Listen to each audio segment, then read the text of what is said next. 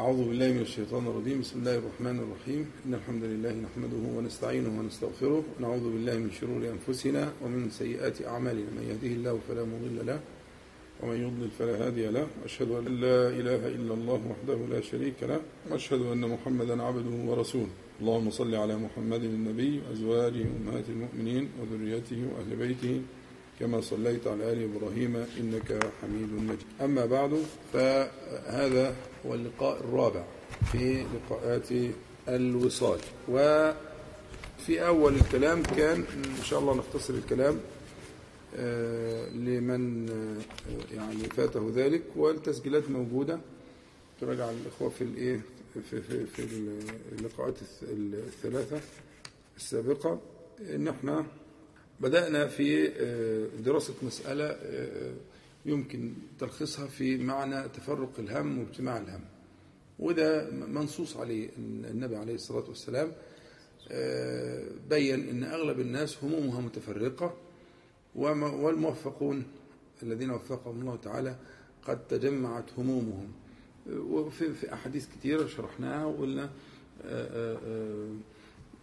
من جعل الهموم هما واحدا هم الآخرة كفاه الله سائر همه ومن تشعبت عليه الهموم أو تفرقت عليه الهموم لم يبالي الله تعالى بأي أودية الدنيا حالا. فوجدنا أن شكوى تفرق الهم والانشغال بالمستقبل ونعمل إيه وإلى آخره هذا يكاد لا يفارق أغلب الناس. فدرسنا المسألة فوجدنا أنه سبب تفرق الهم أن هناك شيئا ما. بين المعارف وبين السلوك.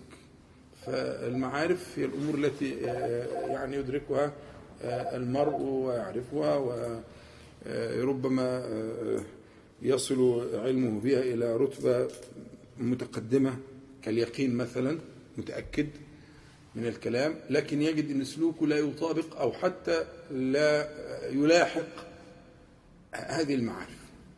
فوجدنا فجوة بين المعارف وبين السلوك.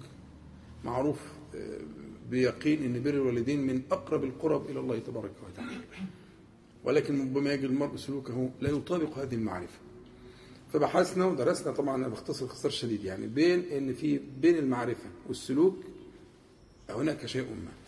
فهذا الشيء هذه الوصلة هذا الجسر الجسر اللي بينقل من المعرفة للسلوك هذا الجسر درسناه وأثبتنا ان هو المجاهده المجاهده وإن المجاهدة دي مذكورة في القرآن الكريم بالتفصيل والبيان والوضوح في مئات المواضع.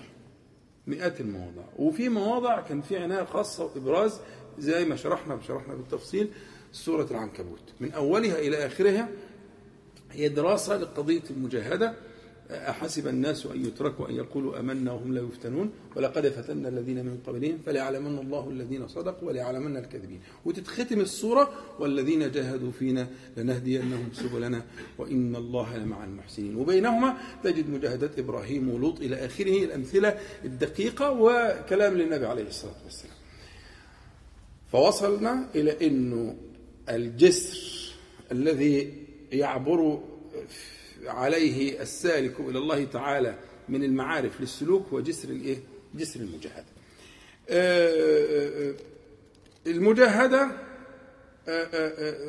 انتقلنا إلى إثبات أن المجاهدة تتلقى أمر يتلقى ويشبه أشبه ما يكون بالتدريب على الحرف والمهارات فأنا وصلت معاك إلى إن إلى إن المجاهدة مهارة مهارة مهارة ممكن تصفها بعد كده إنها صارت مهارة سلوكية.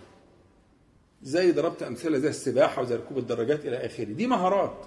أنت ممكن الجزء المعرفي في السباحة تكون متقن جدا فيه ولو القوك في الماء ما, ما, ما سبحت فعشان تسبح أنت محتاج تكتسب مهارة السباحة.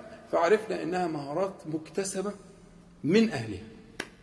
يبقى قلنا إن المجاهدات أمر مهاري يكتسب من أهله وأن ذلك يكون في محاضن تربويه له زي الأندية وله المجال اللي بيتم فيه عملية الإيه؟ اكتساب المهارات الإيه؟ السلوكية اللي بتنقل الإنسان إن هو إن سلوكه يبقى مش هقول مطابق أو يبقى قريب أو متابع لمعارفه. نسلوكه كل متابع يجي يخش السرير مكسل وما صلاش الوتر يقوم يفتكر. إيه اللي هيخليه يرجع ويتوضا ويصلي الوتر؟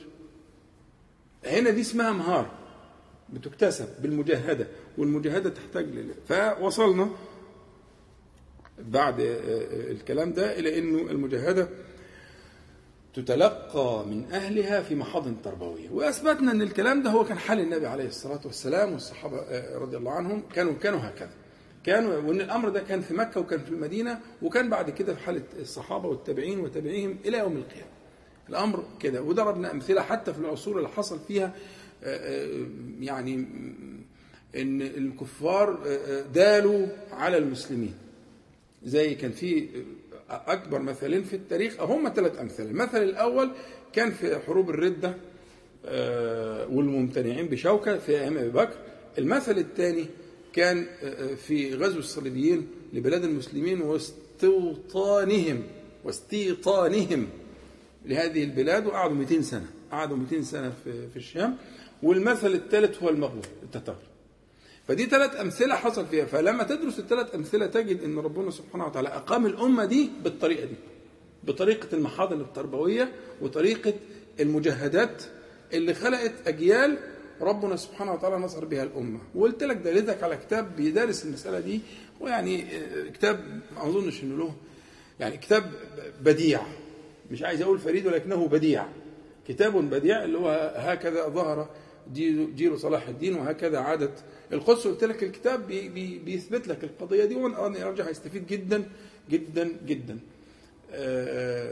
ماجد عرسان الكيلاني وهو راجل أردني والحقيقة موفق جدا في الكتاب. الفكرة إنه هذه المحاضر التربوية من اي من أول ما كانت في الأرقم من ابي الارقم وقلنا اتكلمنا عن أرقم واختيارات أرقم كان عنده 16 سنة.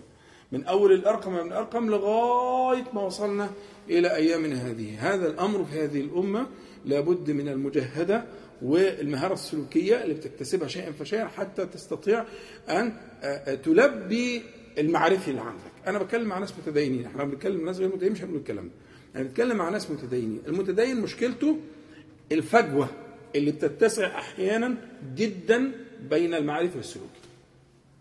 هي دي المشكلة. الحل زي ما أنتم سامعين كده إن هو في قضية إيه؟ قضية وجود محاضن تربويه يتم فيها تلقي هذه المهارات الايه؟ السلوكية. بعد كده لما أثبتنا إن دي سنة الصحابة والتابعين والتابع التابعين إلى إلى يوم الدين وضربنا الأمثلة استقر عندي هذا المعنى. فالأمثلة كانت كتير طبعا مش عايز أقول الامثله أمثلة جميلة جدا جدا. يعني الواحد بيصعب عليه إنه يعديها ما يقولهاش لأن هي أصل المسألة. يعني انت مش هتتضح الفكرة لما تسمع مني مثلا قصة ربيعه الإسلامي مع حضرة النبي عليه الصلاة والسلام. ما يعني ما سمعتهاش كأنك يعني خدت كده لكن هو بقى ارجعوا للتسجيل. لأن هو المعنى الحقيقي هنا في الحاجات دي. شوف النبي عليه الصلاة والسلام كان بيسأل أبو بكر وعمر بيقتلوا إمتى؟ الكلام ده مهم جدا منتهى الأهمية. ليه بيسألهم ليه؟ هو شك بيقتلوا ولا ها؟ في كم تقرأ القرآن؟ ليه يسأل ابن عمرو بن العاص؟ ليه عبد الله بن يعني المسائل دي مهمة جدا منتهى الأهمية. فبس أنا مضطر عشان إيه ما يجوش يقولوا ذاك ربع ساعة وعديتهم وكده. فممكن حضراتكم ترجعوا التسجيل هتعيشوا الجو لكن الأمثلة وانت بتسمع التسجيل الأمثلة في منتهى الأهمية. هي اللي هتوضح لك الفكرة وتبين لك إنه مفيش أي درجة من التكلف ولا الافتعال في الكلام اللي إحنا بنقوله. تمام؟ طيب اتفقنا إنه في هذا المحضن التربوي هنبدأ بثلاث حاجات. هنبدأ بثلاث حاجات. وقلت لكم ثلاث حاجات كتير أنتوا في بعضكم استقلوا قلت له ده كتير بس أنا أنتم مطمعيني لأن أنتم شكلكم حلو يعني أنتم واعدين كده ناس متدينة و... فأنتوا اللي شجعتوني لكن هو في الحقيقة نبتدي بأقل من كده. فابتدأنا بالكلام على ثلاث حاجات هنلتزم بثلاث حاجات. أول حاجة النداء تاني حاجة الطهارة ثالث حاجة دبر الصلاة. ماذا يحصل في دبر الصلاة؟ ثلاث حاجات. هنبتدي نتابعهم وهتعمل لنفسك جدول متابعة وإحنا بنتكلم مع بعض. واللي عايز يفتح معايا بيفتح مش عايز براحته. هو بيستفيد وبيحاول لكن لازم تجد في نفسك بعد الجرعة اللي بتاخدها تجد في نفسك تقدم. تجد في نفسك تقدم. وتجد نفسك إن في فقه باطن لهذه الأشياء. كل الفقه الإسلامي له ظاهر وله باطن. حتى البيوع حتى المعاملات البيع والشراء كل شيء كل فقه الإسلام كل الشريعة الشرائع الإسلامية الشريعة كلها لها ظاهر ولها باطن. المحروم على الحقيقة الذي لا يلتفت إلى باطن الشريعة ويظل مشغولا بظواهر الشريعة. ظواهر الشريعة ما فيهاش خلاف ما فيهاش فصال لابد أن يلتزم بها الجميع. بس المحروم اللي هو لم ينفذ إلى باطن الشريعة ويفهم الفقه الباطن للأشياء اللي إحنا فاتكلمنا عن الفقه الباطن للأذان وده حصة كاملة وممكن ترجعوا لها يعني الفكرة من أول ما اتفقت معك أنا اتفقت معك عليه إن الأذان يكون فصل. فصل يعني قاطع زي ما سكينة الكهرباء بتتشد كده. ما ينفعش التيار انقطع خلاص. فهو يكون الأذان كلمة الله أكبر تكون فصل بين ما قبلها وما بعدها. ايا كان الثمن هيبقى في اختبار. نعم هيكون في اختبار. هيكون في موقف محرجة هيكون في موقف محرجة. لكن في النهاية هو دي بداية الإصلاح. اللي هي تعظيم شعائر الله. لأن الأذان من الشعائر. مش كل الدين شعائر. الشعائر هي الأمور البارزة اللي هي العلامات اللي هي بتبقى يعلم بها الدين في الزمان والمكان والأعيان. فمن الشعائر من شعائر الدين الأذان. وتعظيم شعائر الدين هو بيحقق القضية اللي إحنا بنفكر فيها. بنص القرآن. ومن يعظم شعائر الله فإنها من تقوى القلوب. فأنت مسألة الانقطاع والانفصال الانفصال من الأذان يكون فصل هذه المسألة ستدخلك في أبواب التقوى. ثم بقى اتكلمنا كتير لا داعي الاعاده نرجعوا للكلام إن شاء الله. في مسألة الإيه؟ في مسألة الفقه الباطن الفقه الباطن للاذان أو للنداء. تمام؟ وأشرنا إشارة خفيفة للكلام الليلة دي. خدنا قد إيه؟ ما هو التليفونات شغالة. 14 دقيقة. أربعة الحمد لله ما كملناش 15 طيب الحمد لله الذي أعانني فوفيت. نبدأ بقى الدرس اللي إن شاء الله. إحنا دلوقتي إن شاء الله هنتكلم في موضوع في تقديري هو أخطر من الأول. اللي هو موضوع الطهارة. موضوع الطهارة. إحنا أشرنا له إشارة خفيفة كده المرة اللي فاتت فإن شاء الله الليلة دي يعني نعطيه حقه في رتبة من أنا هقسمه الرتب فأنا هنتكلم على التعريف به وعلى آه وعلى آه أنواعه. بعد كده في له رتب له مراتب نخليها في المرة الجاية إن شاء الله فهنتكلم في التعريف بالطهارة وفي أنواعها إحنا بنتكلم في قضية إيه؟ فقه الباطن صح؟ الحمد لله كلكم يحسن الوضوء أحسبكم كذلك ولا في شك في كده؟ ها؟ أو يحسن يحسن الغسل ويحسن الوضوء نحسبكم كذلك. ما فيش حد يعني ما لكن طبعا ده مش عيب. لو أنا حسيت إن في حد كده هنتكلم ونشرح ونجيب مية واتوضا قصادكم مفيش مشكلة خالص. وده شيء شرف ليا يعني. بس إحنا نجاوز دي لأن ده مسألة اللي هو ظاهر الشريعة. ظاهر الشريعة الطبقة بتاعتكم قد جاوزتموها. هي المشكلة في إيه؟ في فقه الباطن اللي هو هيساعدنا على قضية الإيه؟ قضية هذه المجاهدة. هذه المجاهدة. نتكلم في كلام الفقهاء سهل كلام الفقهاء بيقسموا الطهارة ودايما هنعمل تنظير على كلام الفقهاء فننظر إلى الإيه؟ إلى الباطن كلام الفقهاء إن الطهارة نوعين طهارة الأخباث أو الخبائث أو الخبث وطهارة الحدث طهارة الخبث وطهارة الإيه؟ الحدث هي طهارة النجاسات يعني وطهارة الإيه؟ الأحداث. هي طهارة الأنجاس وطهارة الأحداث. قول زي ما تقول. هي كده. طهارة الأنجاس الطهارة اللي في الفقه كله عبارة عن حاجتين دول. طهارة الأنجاس وطهارة الإيه؟ الأحداث. طهارة الأنجاس زي إيه؟ زي الكلب والخنزير وزي الميتة وها دي دي اسمها نجاسات. زي ما خرج من السبيلين من العذرة والبول. دي اسمها النجاسات فلها طهارة. يبقى الطهارة من هذه طهارة إيه؟ طهارة البدن والثوب والمكان. كلها ظواهر. طهارة ظاهر البدن والثوب والإيه؟ والمكان. هو ده الطهارة. طهارته طهارته من إيه؟ من الأنجاس. تمام؟ طيب والقسم الثاني طهارة الحدث. طهارة الحدث يعني إيه؟ الحدث اللي هو مثلا ما خرج من أحد السبيلين من النجاسات زي الريح أو البول أو الغائط أو إلى آخره. طيب زي إيه؟ زي مثلا النوم لغير المتمكن لأنه مظنة الإيه؟ مظنة الحدث. تمام؟ آه، آه، زي إيه؟ زي آه، المني هخصه لأنه هو الراجح عندنا أنه ليس نجسا لكن خرج من أحد السبيلين وليس نجسا. يبقى خروج المني زي التقاء الختانين زي إلى آخره. فدي اسمها أحداث. والأحداث لها إيه؟ لها طهارة. اسمها طهارة الإيه؟ الحدث. صلوا على النبي عليه الصلاة والسلام. موضوع سهل خالص. طهارة انجاس وطهارة أحداث. مظبوط؟ جميل جدا. هناك باطن للانجاس وباطن للأحداث. الأول أنا عايزك تتصور معايا الفرق بين الانجاس النجاسات يعني وبين الأحداث الحدث. بين النجاسة والحدث. إيه الفرق بين النجاسة والحدث. الفرق بين النجاسة انها إنها شيء معمول. زي ما قلنا مثلا ضربنا مثلا بإيه؟ قلنا الميتة والخنزير والكلب والبول والغائط دي مخرجات معمولات. تمام؟ دي اسمها الأنجاس. طب والأحداث؟ الأحداث زي مثلا آه، آه، آه، خروج شيء من أحد السبيلين زي النوم زي ذهاب العقل. زي مس الفجر هي إيه؟ أعمال. يبقى لاحظنا الفرق الأول فرق مهم جدا ده اللي هيفيدني في فقه الباطن إن الأنجاس معمولات وإن الأحداث أعمال حتى الاسم نفسه حدث يعني عمل. فتلاقي مثلا مس الفرج ده عمل.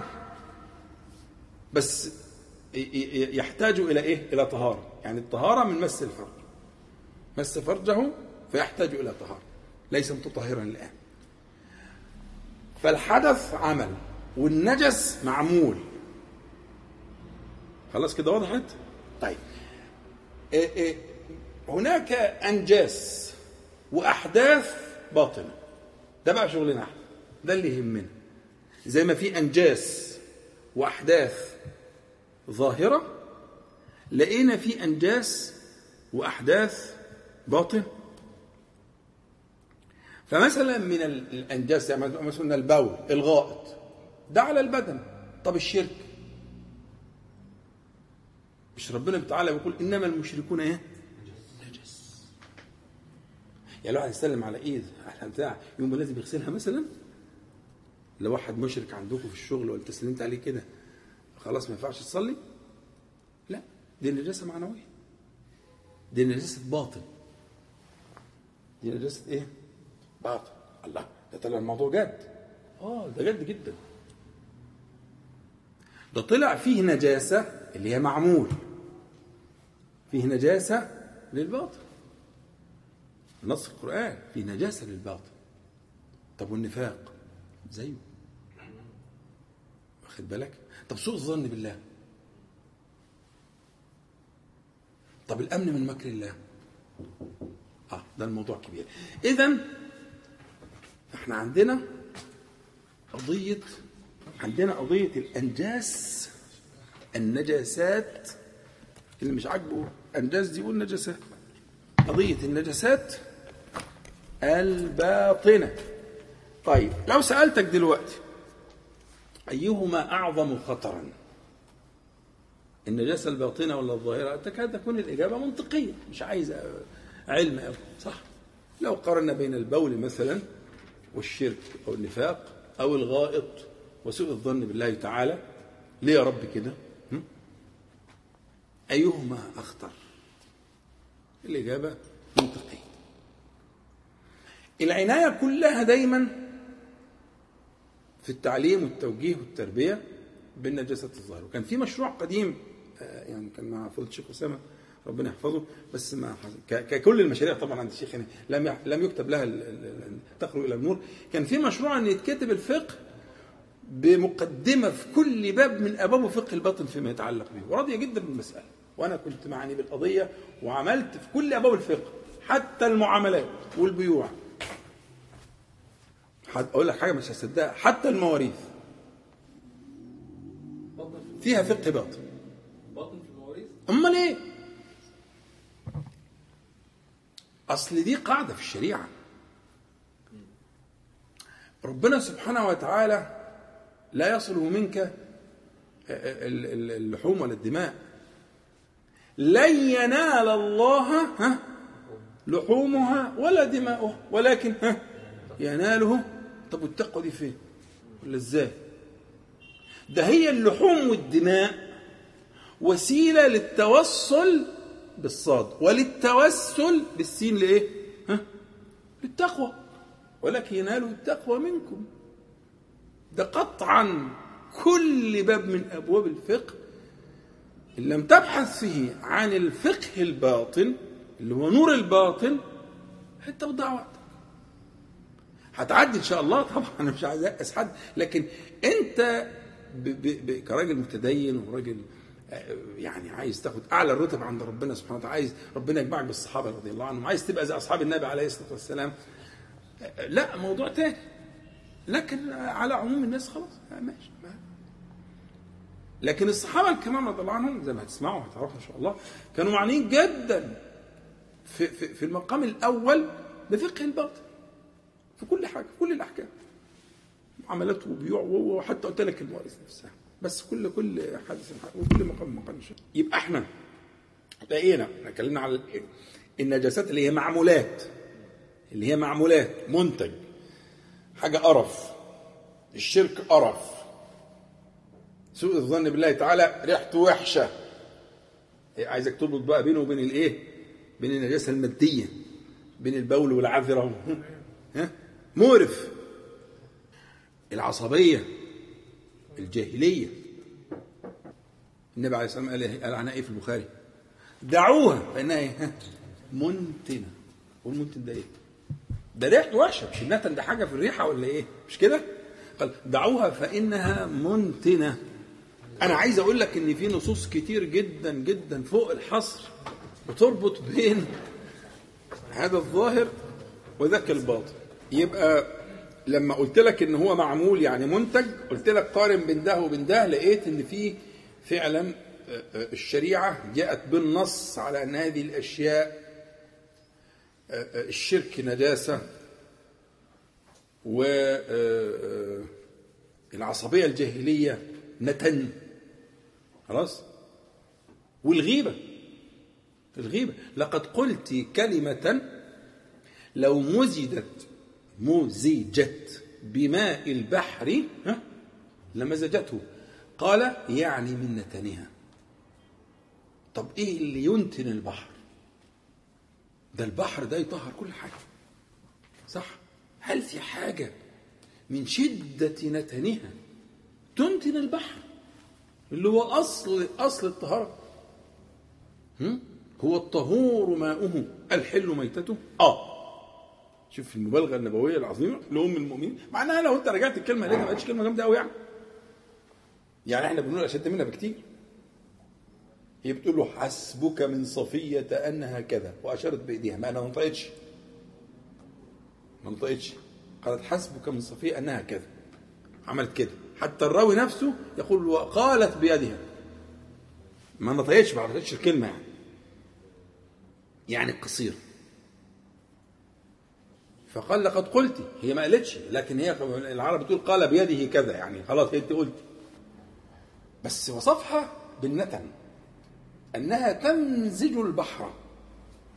أنا كل ده عايز أوصل معاك لحاجة اسمها إيه؟ إن في زي ما في نجاسة مدركة بالحاسة ففيه نجاسة تنجس الباطن. فالشرك ينجس الباطن. والنفاق ينجس الباطن وسوء الظن بالله تعالى ينجس الباطن والأمن من مكر الله عشان دول تأذن مع بعض الأمن من مكر الله تعالى ينجس الباطن إلى آخره. تمام؟ طيب الحدث. اتفقنا الحدث إنه عمل زي واحد مس فرجه بيده فانتقض وضوءه فيحتاج لطهارة. بس الطهاره دي اسمها طهارة الحدث. واحد اخرج ريح دي اسمها طهارة الايه؟ الحدث. طيب طهارة إحنا عندنا أحداث ظاهرة اللي إحنا بندرسها دي وعندنا أحداث باطنة. إزاي؟ بحسب امرئ من الشر أن يحقر أخاه المسلم. عارفين بحسب امرئ من الشر يعني إيه؟ حسب كلمة حسب يعني يكفي. مش كده؟ يعني معناها إيه؟ معناها أنه قد امتلأ شرا فلا مكان لمزيد شر فيه. دي بحسب لكن بحسب كذا يعني معناها خلاص ما عادش في مكان. لا يحمل مزيد شر. امتلأ شرا فلم يعد فيه مكان لمزيد شر. دي معنى إيه؟ مبالغة. دي مبالغة. بلاغة. بلغة في الصورة. بحسب امرئ من الشر أن يحقر أخاه المسلم. طب ما ممكن ما يظهرش أصلا. لا. ما ربنا سبحانه وتعالى مطلع على قلبه بس هو يحقره. ولذلك في الحديث الطويل العظيم المسلم المسلم من ضمنها لا يظلمه ولا يحقره. لا يحقره. هذه أحداث. أحداث الباطل. إن الذين يحبون أن تشيع الفاحشة في الذين آمنوا لهم عذاب أليم في الدنيا والآخرة والله يعلم وأنتم لا تعلمون. سورة النور. هم دول عملوا إيه؟ ده هم ما بتعرفهمش أصلا. ما فيش حاجة ظهرت على جوارحهم. ربما تظهر لكن في ممكن لا تظهر. إن القرآن قال إيه؟ ها؟ يحبون أن تشيع الفاحشة في الذين آمنوا. تحسهم يشوفوا الدنيا مولعه كده ما عملوش حاجة لسه. غيرهم بيعمل هم قاعدين إيه؟ منتظرين هذه النار أن تشتعل. فأنا عايز أقول لك إخراج الريح ولا الذين يحبون أن تشاء الفاحشة في أيهما أعظم خطرا؟ هي دي المسألة. يبقى أنا عايز أقول لك اتفقنا؟ خلاص أنت كده معايا دلوقتي الحمد لله بالأمثلة. إحنا متفقين سوا دلوقتي إن في نجاسات ظاهرة ونجاسات باطنه وفي أحداث ظاهرة وأحداث باطنه وإن الخطر على الحقيقة فين؟ في الحدث الإيه؟ الباطن طيب هسألك سؤال سهل وهتجاوب عليه إن شاء الله. طب لماذا كانت الأحداث الظاهرة أقل خطرا وأهون شانا من الأحداث الباطنة؟ تعدية متعديه مش يعني آه فرق التعدي يعني بين دي ودي. طيب أحسنت. إيه كمان؟ يلا أنا عايز حوار.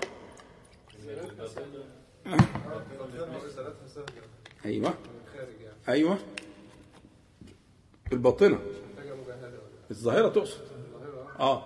والباطنة. محتاجة ممارسة ومجاهدة آه.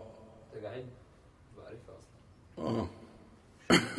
هو الحقيقة ها؟ مش مضمونة. مش يعني لا ده أنا بقى هبعد هبعد على أنتوا طبعا ماشيين في الطريق الصح بس أنا هبعد خالص في الطريق ده. ده مش ممكنة مستحيلة. قد حيل بينك وبينها مسكين. واحد اكتشف إن عنده حسد أو عنده نظر فيما في أيدي الناس. راكب عربية كحيانة كل شوية تقف مش عارف تعمل إيه إيه وجنبه زميله راكب طيارة. مش قادر. مشغول مشغول مشغول بما في ايدي الخلق خلاص. قرر ينظف قلبه يلا يا عم. هتجيب إيه فينيك ديتول هتعمل إيه؟ قول لي طيب. مية. طب قول لي هتعمل إيه؟ أنت مش عارف تعمل حاجة خالص. سورة الأنفال. واعلموا أن الله يحول بين المرء وقلبه. وأنه إليه تحشرون. مش زي ما انت قلت بقى لا ده من ده أنتوا طلعتوا ناس طيبين. ده محال. طب في شوية بول في شوية بتاع أسهل حاجة. قد مكن الخلق جميعا منه. إيه رأيك بقى؟ حتى بيقول لك إيه؟ يقول لك إيه؟ يقول لك طب لو فقدت الماء في غير البديل. طب لو فقدت البديل يقول لك فقد الطهورين في حاجة ثالثه يا نهار أبيض. وطهارة آه وطهارة. وصلي آه تصلي. وامسك الموت تمسك المصحف كل حاجة. فهو يسرها قوي قوي قوي قوي لدرجة إن بقت من أيسر ما يكون حكاية البول والريح والكلام ده. والتانية ولا تقدر تعمل فيها جنس حاجة. مفيش إلا؟ ما في إلا ان شاء الله مش جايين عشان نعقدكم. في إلا طبعا. بس أنا لما بنسب الكلام بنسبه لحضرتك. أنت تعمل حاجة. آه إلا بالله. فالوصلة مش مباشرة. مش منك للحسد على طول. لا منك للحسد محال. هي منك لملك الملوك لمن بيده مقاليد الأمور للذي يقلب القلوب كيف يشاء. منك له ومنه سبحانه وتعالى لقلبك. بنص الآية. والحائل خلي بالك من دي مع, مع, مع مع- ولله المثل الأعلى. والحائل بين شيئين أقرب لكل منهما من أحدهما للآخر. الحائل بين شيئين الذي حال بين شيئين هو أقرب لكل منهما من أحدهما إلى الآخر.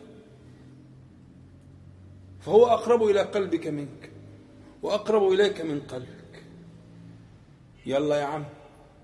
آه. يبقى السؤال الأول اللي سألناه لماذا كانت ال ال الأحداث والأنجاس اللي شرحناها أقل خطرا وأهون شأنا من الظاهرة يعني من الباطنة. لأن الباطنة لا حول ولا حيلة ولا سبيل ولا ولا ده قطع الطريق عليك قطعا. أما الثانية فما يس فما يس ده تيسير فوق تيسير. ما فيش ماء يبقى في تراب ما فيش تراب يبقى لا ماء ولا تراب يبقى هو فاقد الطهورين يبقى ما ما تيسير فوق ده مسألة يسر بعد يسر. وكل مكلف ممكن. كل مكلف ممكن منه. الله يبقى إحنا بنتكلم يبقى ظهر لنا الجواب. السؤال الثاني اللي هنحتاج بقى فيه شرح شوية وتصحصحوا معايا كده وتصلوا على حضرة النبي عليه الصلاة والسلام. السؤال الثاني بيقول إيه؟ بيقول هل لطهارة الظاهر دور في بلوغ طهارة الباطن؟ هل لطهارة الظاهر دور في بلوغ طهارة الباطن؟ اتفضل. قول. حديث النبي صلى الله عليه وسلم اتفضل. الطهور شطر الإيمان هو الطهور بينفذ لما تشرح لنا الحديث الأول. يعني إيه درجه الإيمان؟ النبي صلى الله عليه وسلم اللي, اللي بيحافظ على الطهور أو الملازم للطهاره يعني الطهاره اللي ينفذ يعني يرت- هيرتقي إن هو يبلغ مرتبة من مراتب الإيمان. يبلغ تعالى شرح الحديث؟ آه لا. مخمخه يعني. لا طبعا حقك. أنا اتفقت معاكم. طالما قاعدين مع بعض قول زي ما أنت عايز. لكن لما تبقى في الشركة قول إيه؟ اتفقنا تقول إيه؟ الله أعلم. هسالك لكن في قعده زي كده دي فرصة. الواحد ما بيصدق يقعد مع حد. يقوم يقعد يتكلم ياخد راحته. عشان إيه؟ يطلع اللي جواه ويعرضه ويتظبط ويتعمل والى اخره تمام؟ لكن لما تكون لوحدك لا. حذاري. ما تنقلش اللي أنت متأكد منه وعارفه. لأن ممكن كلمة ما انتش يعني إيه؟ وتبقى مشكلة. تعمل مشكلة وتتعقد يعني. لا طبعا هو الإيمان هنا معناها الصلاة. شطر يعني نصف. والإيمان هنا معناها الصلاة. مش الإيمان اللي أنت تقصده. والقرآن الكريم سمى الصلاة إيمانا. وما كان الله ليضيع إيمانكم يعني صلاتكم. في تحويل القبلة يعني. ما كان الله يضيع إيمانكم قولا واحدا. صلاتكم يعني صلاتكم إلى بيت المقدس في الشمال. لما عيبوهم وعايروهم وقالوا لهم إيه ده أنت؟ صلاتكم راحت وطب مش عارف إيه وكلام من ده. فربنا تعالى فتح عليهم وقال ما كان الله فتسمية الصلاة إيمان ده تسمية القرآن الكريم. والحديث جرى على هذه القاعدة. الطهور شطر الإيمان يعني نصف الصلاة. ف- فلا صلاة بغير طهور. ولا صلاة بغير طهور. يعني ما هو ده المعنى. لكن يمكن الاستئناس به يعني كلامك ده مش دليل.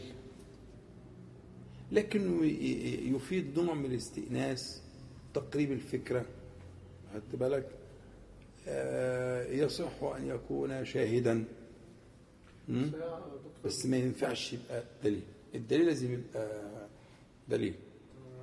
مستوفي للشرط ل- ل- ل- ل- لتعريف الدليل. نعم. أنا كنت هقول لو هو شاطئ الصلاه أيوه. طب ما الصلاة في حد ذاتها ممكن تبقى طريق تمام. وأنا عشان كده أنا والراجل طيبت خطوة آه، قلت له الكلمتين دول يعني أنت عايز توقع بيني وبينه. مش قصدي اصل يا موسى أنت هتبقى الراجل ده راجل طيب. قصدي علاقات ممكن كويس توصلها مباشرة. ما أنا قلت له ينفع يكون كذا وينفع يكون كذا. ما هو اللي انت بتقوله هو ده كده. انك انت هتوصل هتلف لفه طويله خدت بالك؟ ما انتش من اقصر طريق إحنا عايزين ال- الدليل ده يوصلني مش هو في حديث عن لأقصى آه، طريق. الوضوء، آه، يذهب يعني طب ما هو ده بقى اللي إحنا بندور عليه. آه. آه بس مش كلام. أنا بكلمك أنت. ده كويس. ده كلام كويس. تمام. تمام. طيب. يعني عشان نرتب الكلام بعد ما صلينا على حضرة النبي عليه الصلاة والسلام عشان نرتب الكلام هنقول إن الكلام أن آه،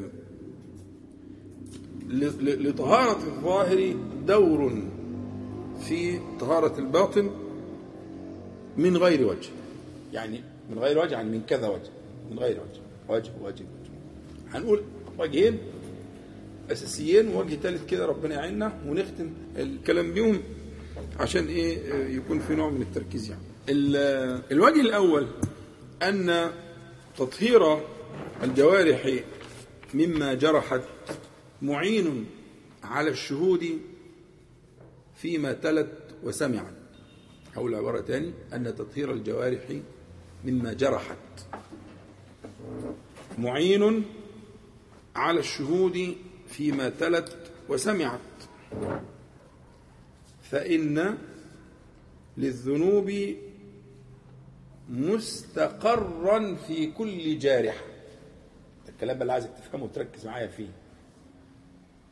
فإن للذنوب مستقرا في كل جارحة. أنا ما بتكلمش على القلب. القلب ده موضوع مشهور وكلكم سمعتوه قبل كده وقلناه 100 مرة. تعرض حديث مسلم تعرض الفتن على القلوب كعرض الحصير عودا عودا. فأي قلب أشربها نكتت فيه نكتة سوداء وأي قلب أنكرها نكتت فيه نكتة بيضاء حتى تصير القلوب على قلبين قلب أسود مرباد يعني شديد السواد. ها؟ كالكوز مجخيا يعني الكوز المقلوب. لا يعرف معروفا ولا ينكر منكرا إلا ما أشرب من هواه. وقلب أبيض لا تضره فتنة ما دامت السماوات والأرض. ما مشهور كلام مشهور. اللي هو إيه؟ أثر المعاصي وأثر النظرة والبتاع والكلمة في القلب. لا أنا ما بتكلمش على كده بتكلم على حاجة تانية. أنا بتكلم على قضية الإيه؟ قضية الجوارح. قضية الجوارح. لا ده أنا بدعي وأقول لك إن للذنوب مستقرا في كل جارحة. تتغلغل في أثنائها تتغلغل في أثنائها فتكسوها ظلمة تحرمها الانتفاع من نور الوحي. انتهى كلام نشرح العبارة دي. العبارة بتقول إن تطهير الجوارح مما جرحت معين على الشهود فيما تلت وسمعت. ليه؟ فإن للذنوب مستقرا في كل جارحة تتغلغل في أثنائها. فتكسوها ظلمة تحرمها الانتفاع من نور الوحي. قول يا عم بقى الكلام ده أنا عايزين نفهم الحكاية دي تمشي إزاي. صلوا على حضرة النبي عليه الصلاة والسلام. إحنا بنقول إن صح من حديث النبي في عند مالك في موطئه رحمه الله وعند آه، غيره. أنه آه، قال ما معناه صلى الله عليه وسلم. إذا توضأ العبد المؤمن وفي بعض الروايات المسلم فغسل وجهه خرجت ذنوبه من وجهه أو من عينيه. فإذا غسل يديه وفي بعض الروايات حتى تخرج من تحت أظفاره. يعني الحتت اللي هي الدخانيق. هو وصل الذنوب دي والنص اهو صريح والحديث في مالك ومسلم وغيره. ده الموضوع مكشوف. يبقى ال- ال- ال- الجوارح دي كانت شايلة. يبقى إيه خرج. حتى تخرج وفي بعض الروايات حتى تخرج من أصول شعره. يعني في الشعر اللي هو الشعر هايش كده ففيه فوق وفي تحت. فهذه الطهارة عندها القدرة على استلال فاهمين استلال؟ على استلال ان يستل زي يطلع الشعرة من العجينة كده على استلال هذه الخبائث التي تحرمه?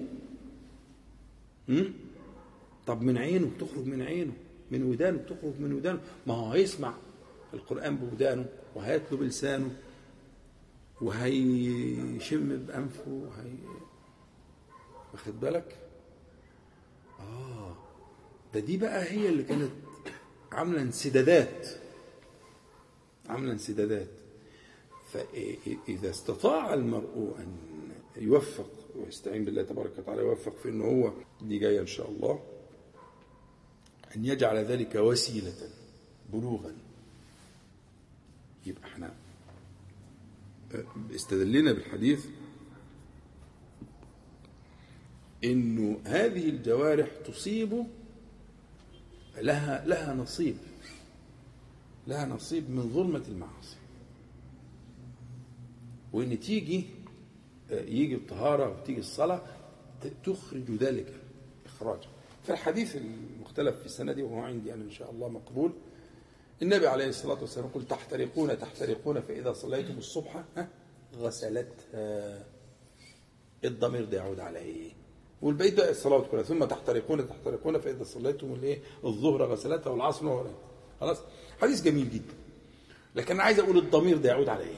غسلتها. ها هي النتنات دي القرف ده. موجودة. موجودة.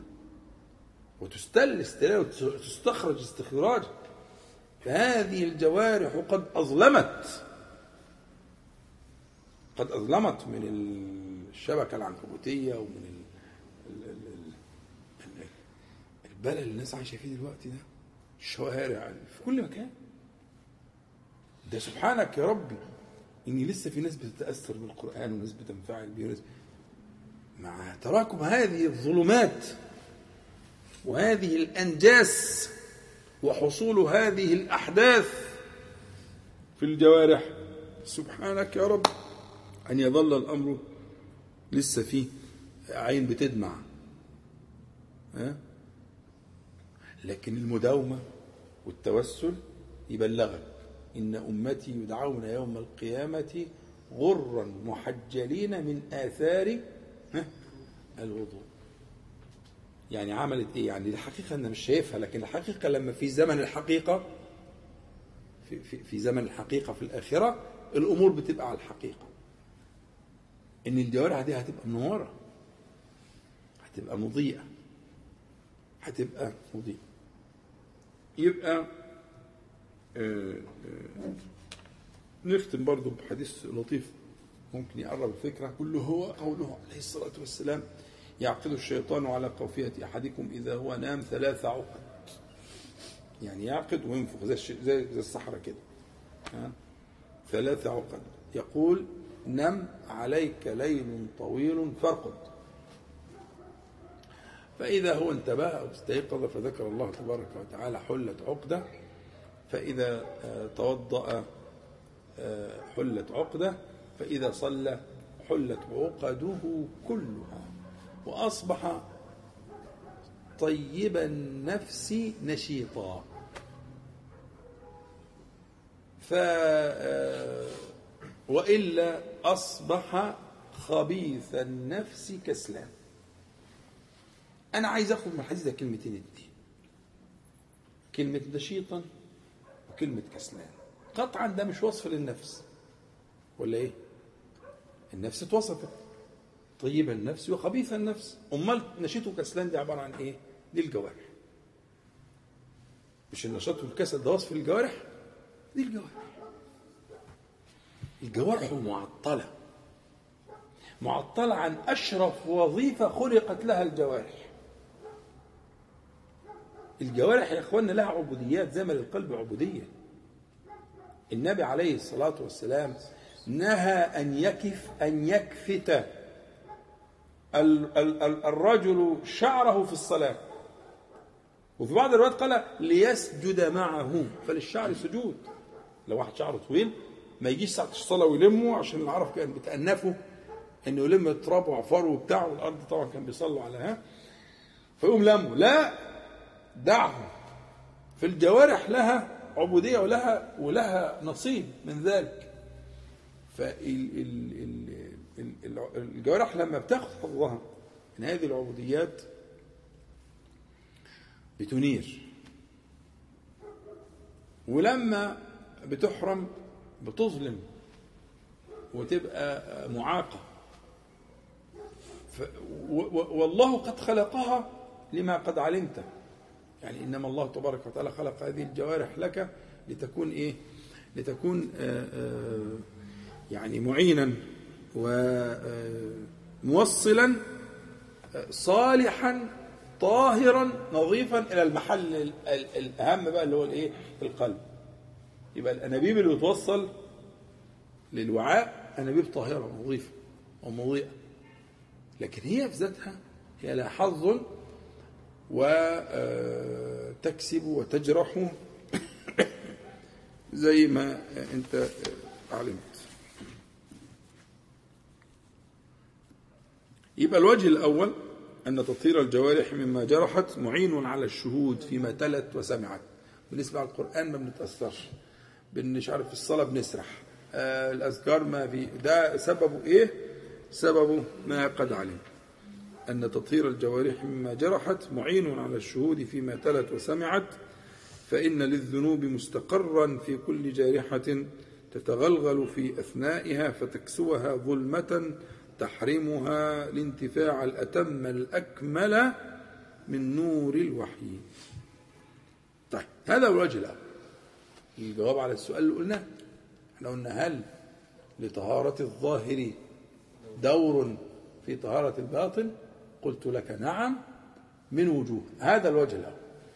طيب الوجه الثاني. الوجه الثاني أن تطهير الجوارح تقرب وتقريب بما سبق من إحسانه إلى مزيد إحسانه. يا رب تحفظوا الكلمتين دول والله ده منهج حياة. السطر ده منهج حياة كاملة. ويحل عقد كتير عندكم وعند زوجاتكم وعند كل الناس. ناخد فاصل بقى ها؟ ناخد فاصل خلاص ناخد فاصل أنتوا تنظموا. ناخد فاصل ونع- ونعود إن شاء الله. بسم الله الرحمن الرحيم. الحمد لله. اللهم صل على محمد وانزله المقعد المقرب منك يوم القيامة. إحنا وقفنا على الوجه الثاني من أوجه بيان أن طهارة الظاهر لها دور في بلوغ طهارة الباطن. وكان الوجه الأول أن تطهير الجوارح مما جرحت معين على الشهود فيما تلت وسمعت. شرحنا. وأن ما يعانيه الناس من أنهم لا ينتفعون بنور الوحي. له أسباب. من أسبابه ما ذكرت. إن حسن العناية بتطهير الجوارح من المبلغات. الأمر الثاني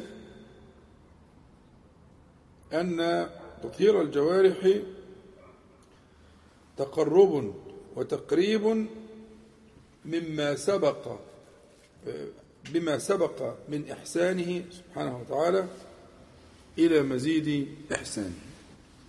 تقريب وتقرب بما سبق من إحسانه إلى مزيد إحسانه أنا قبل ما تاخدوا الفاصل قلت لكم العبارة دي الجزء دي من العبارة دي ممكن يكون منهج حياة مصلح لكثير من الأعطاب التي آه، آه، آه، تكون في حياة ال- المتدينين. أنا أتكلم عن المتدينين.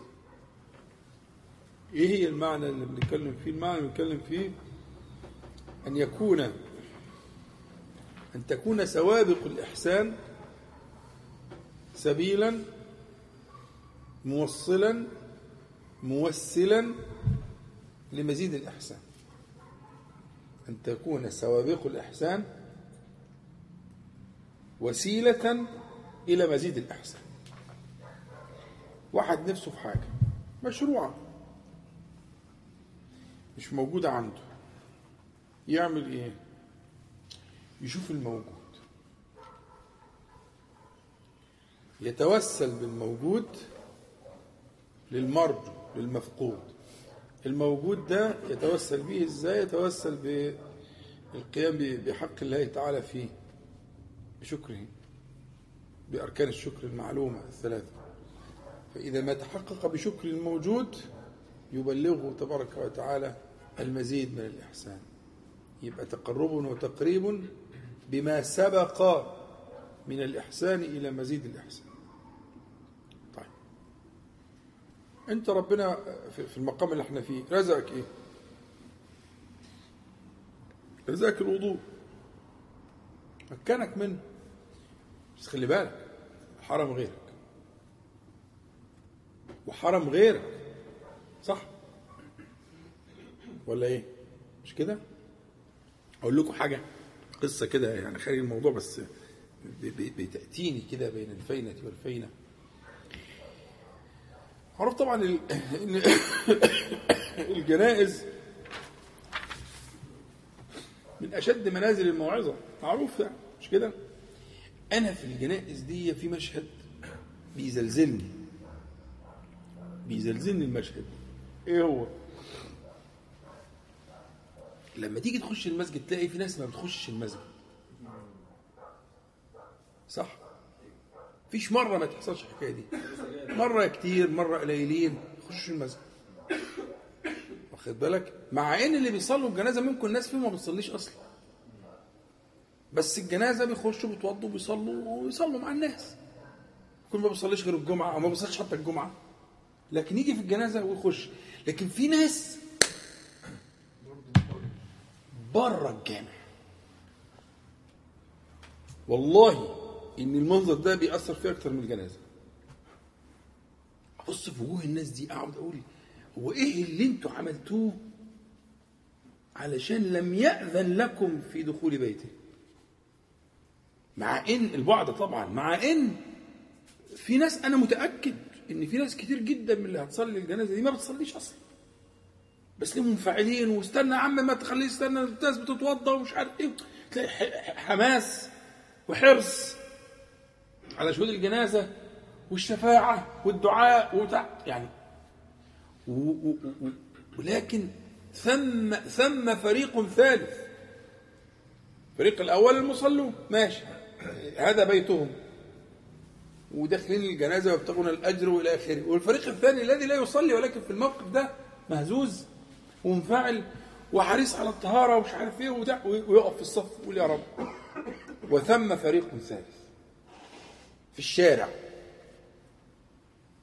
لم يؤذن له. ربنا تعالى يقول ولو علم فيهم خيرا اسمعهم بص أنا أنتوا فيكم إيه؟ البعده عشان لم يأذن لكم في دخول الجار واخد بالك؟ فالشاهد ال ال ال يعني اللي جرنا الفكرة دي إن شكر الموهوب والقيام بحق الله تعالى في الموهوب في السابق من الإحسان يبلغ المرجو من مزيد الإحسان. أنت لو عملت المنهجية دي بينك وبين زوجتك عايزين وعايزين وعايزين وعايزين حلو. كويس؟ طالما مشروع. طب ما تيجي بقى نحصر الموجود. ونشوف قمنا بقد إيه من الواجب في الموجود. وهو ده سبيلنا للمرجو. إحنا مش بنقول إحنا مش بس بنقول يا رب بلغنا ب ب ب بالوسيلة الشرعية. بما تحب. دي بالكم يا جماعة.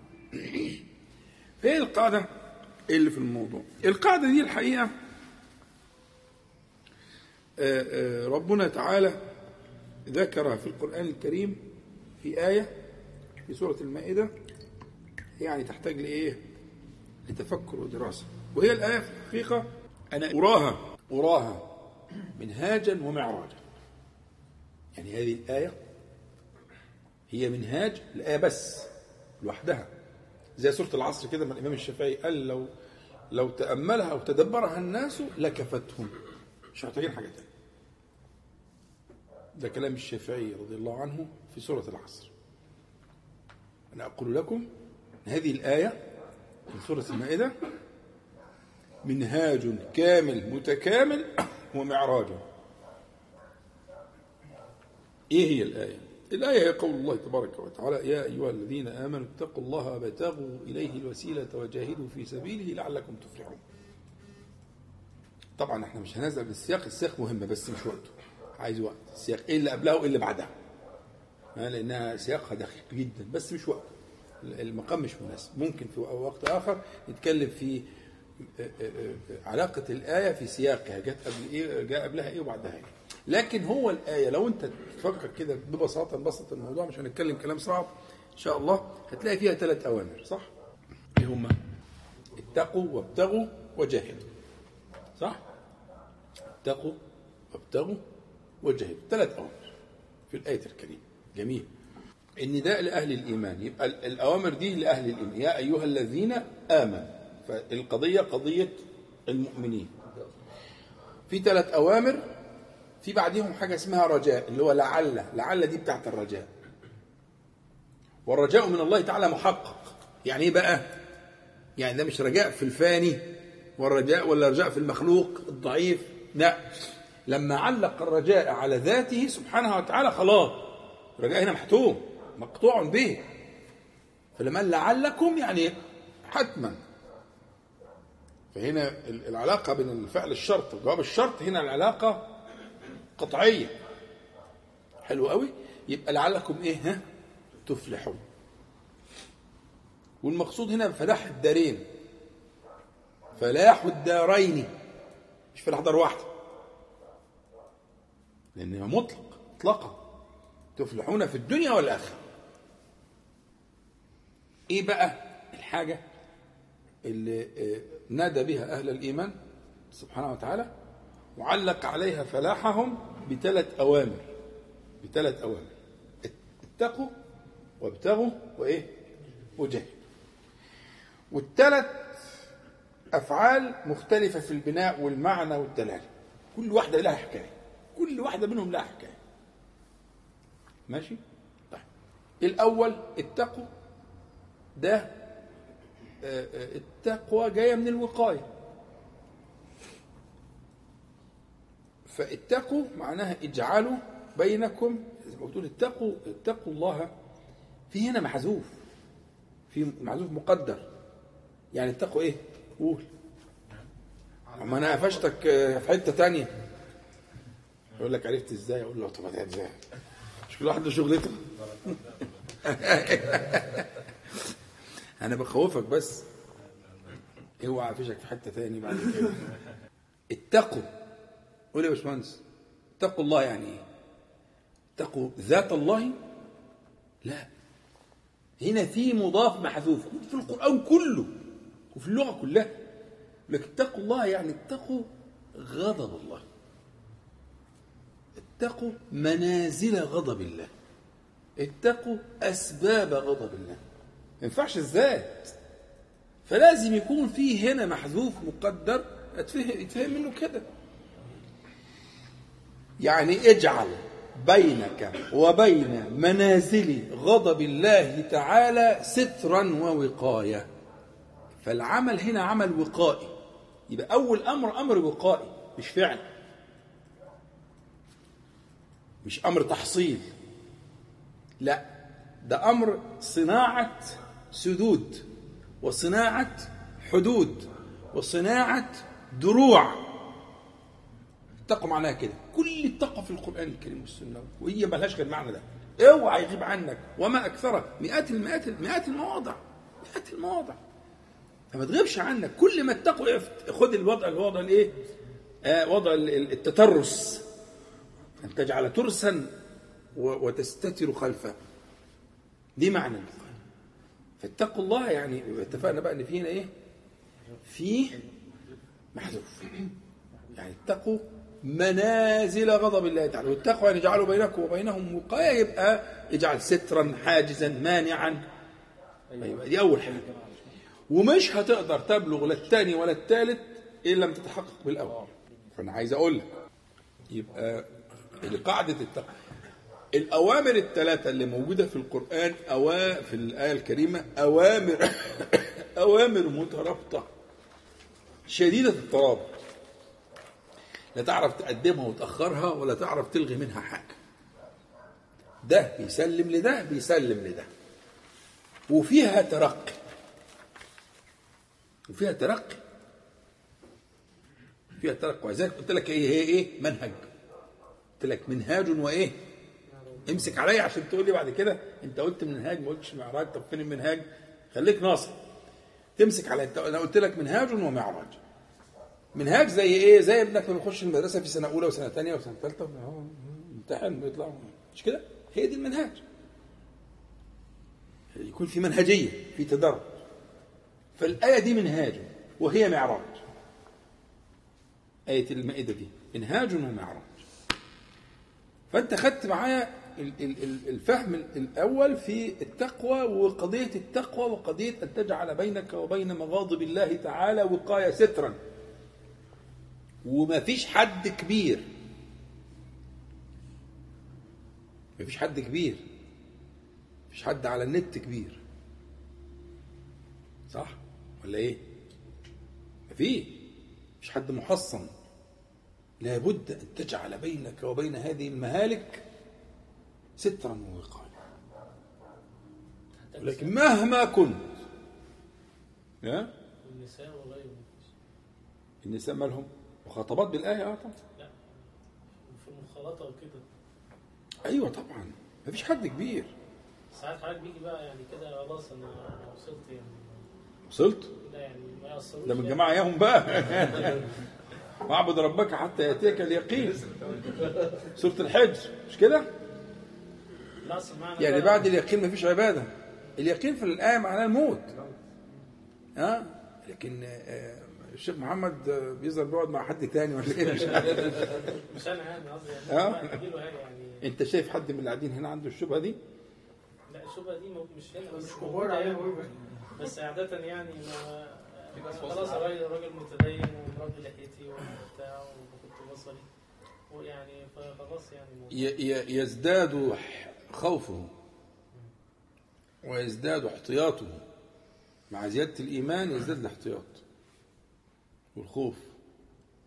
أنا قاعد أجيب آيات التقوى كلها. لما حضرتك قلت كده موضوع لا صعب دقيق جدا يعني. طبعا. طب إيه سر تقديم الوقاية في الأول خالص عن الوقاية هي ال- ال- المقدمة على العلاج. ولا ترقي بغير وقاية. ده ممكن ممكن إن إهمال الوقاية يأتي بك من أعلى السلم. في أي لحظة. لاستفحال الداء.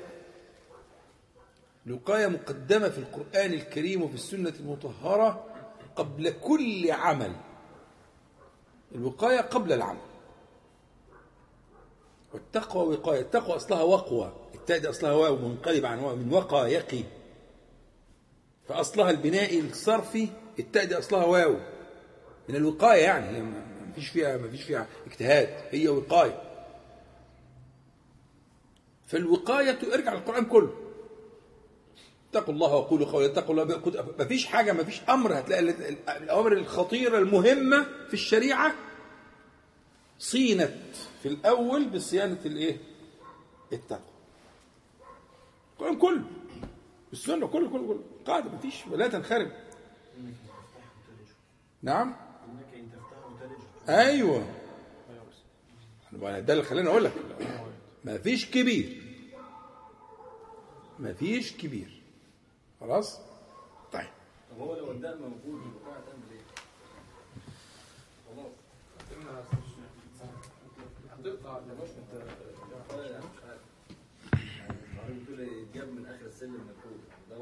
لأنه لم لم يأخذ بأسباب الوقاية في في سعيه. اجتهد وعمل وسوى وحصل وهو سايب الداء العضال بيستشري وعملها. لكن في الأول لو أخذ بأسباب الوقاية وسد الطريق على اللعين آه، هو في مأمن يبلغ إن شاء الله. هي الإشكال في إهمال ال- المبادئ مبادئ الداء مبادئ الداء ف التسديد على هذه المبادئ و... يكون فيها بالله تعالى طبعا. بالله ليس بسعي بالله تعالى تكون فيها الحفظ إن شاء الله. طيب يبقى أول حاجة يا أيها الذين آمنوا عرفنا إن ده معناه اتقوا الله. خلاص؟ حلو كده؟ قلت لك إن دي قاعدة في القرآن كله. و و طيب إيه اللي بعد كده؟ قال وابتغوا إليه الوسيلة. ده الأمر الثاني مادة البغي في القرآن الكريم مادة يعني في منتهى الدقة. في القرآن الكريم. في منتهى الدقة. قول لي ليه؟ محدش قال لي ليه. آه يعني خليك هات وخد كده عشان إيه؟ هلا ده البغي طلع في القرآن الكريم جاي في حاجات صعبة أوي. وبعدين إن قارون كان من قوم موسى فبغى عليه. يعني ده الموضوع؟ منايل بستين نيلة وبعدين آه، البغاء. ده حاجة أنيل وأنيل. ها؟ مادة صعبة جدا. وبعدين أقول ابتغوا إليه الوسيلة. هي الحكاية. مادة صعبة. عايزة تركيز. إيه بقى المادة دي؟ هي المادة دي اصلها اللي هي مادة ال- ال- ال- البغي. هي مادة فيها معنى طلب طلب الزيادة. في حاجة؟ طيب.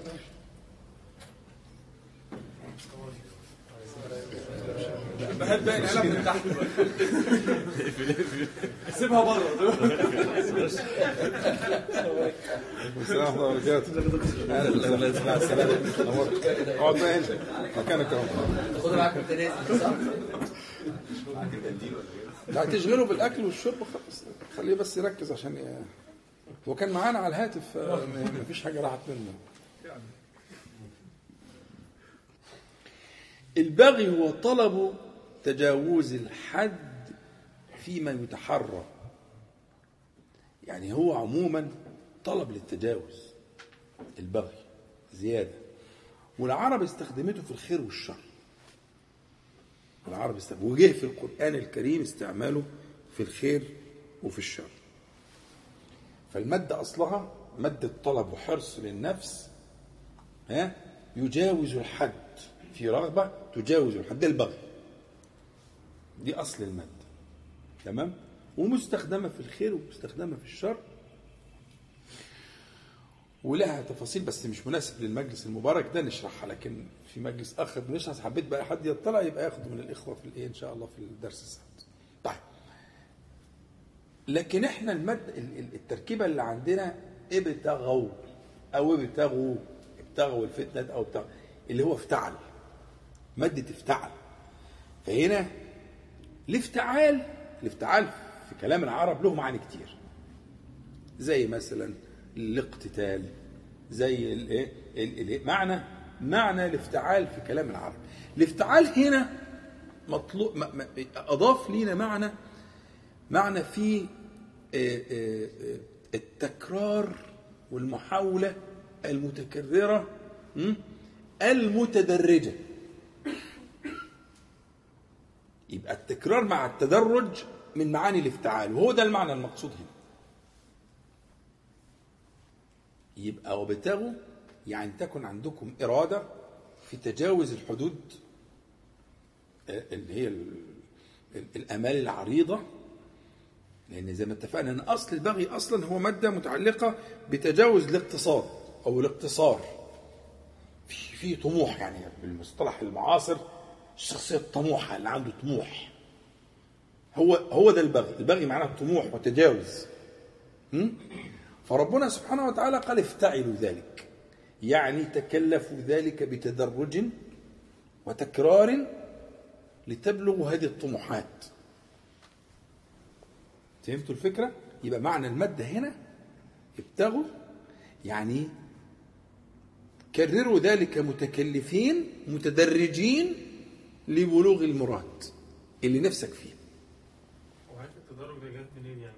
الافتعال. ما هي أصل الصيغ العربية؟ كل صيغة ولها معاني. معنى اثنين ثلاثة في لها معنى واحد في لها خمس ست معاني.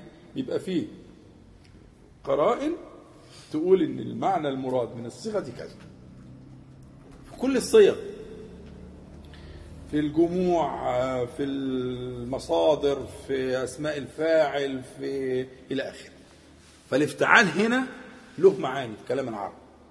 خلاص؟ زي انتصار واقتتال. والاخيري مد- مادة الافتعال ها؟ مادة الافتعال أو أو بناء الافتعال أو هذا البناء له معاني. في كلام العرب. اصطلحوا على إن استغفر لها ثلاث معاني أو أربع معاني. استفعل. أولها الطلب. خلاص؟ لكن لها ثلاث معاني تانيين. فإذا جت على الطلب يبقى يبقى استفعل بمعنى الطلب. بقت بقت معنى استفعل يعني استغفر. م? آه. لكن لها معاني تانية؟ آه لها معاني تانية. وهكذا. بس عشان كده أنا اختصرت وقلت مش مقام للمناسب الكريم ده يعني.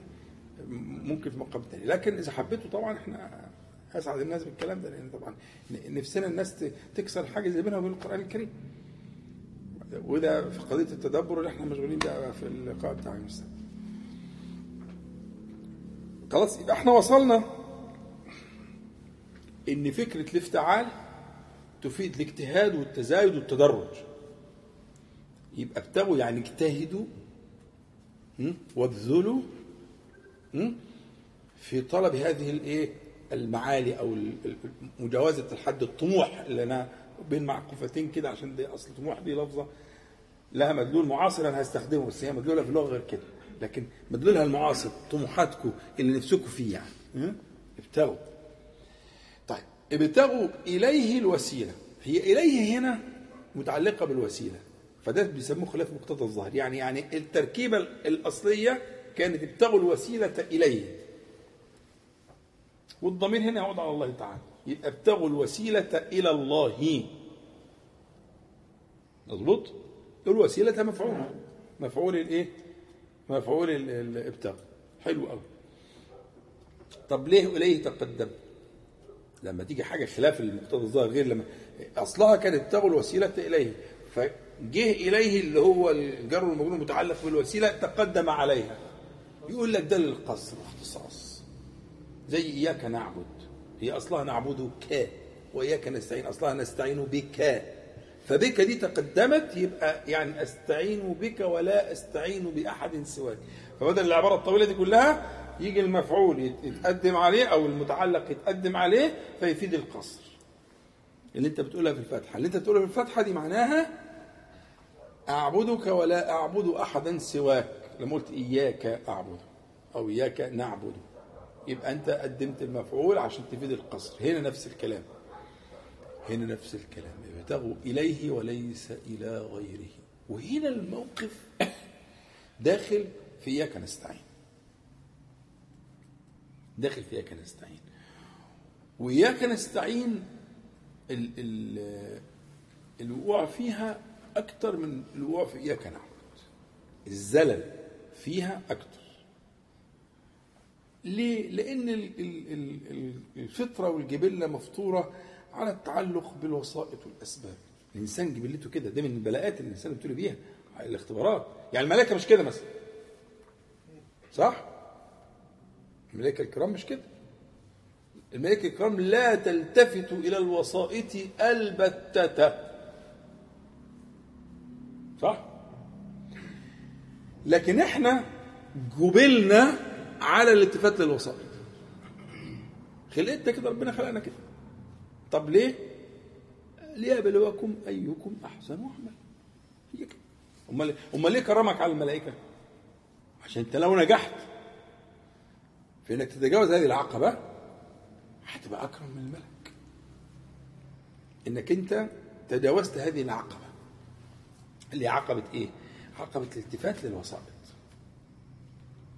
فإياك نستعين اللي هي ابتغوا إليه الوسيلة من هذا الباب يعني هذا القسم من إياك نستعين هو باب إسقاط كل وسيلة في ذاتها إلا الله.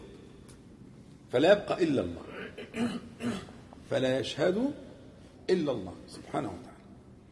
يبقى عشان كده جت إليه في غير موضعها. موضعها كان آه لكن موضعها تقدم عشان يفيد معنى القصر الذي ينبغي ألا يغيب عن آه، الذاكر.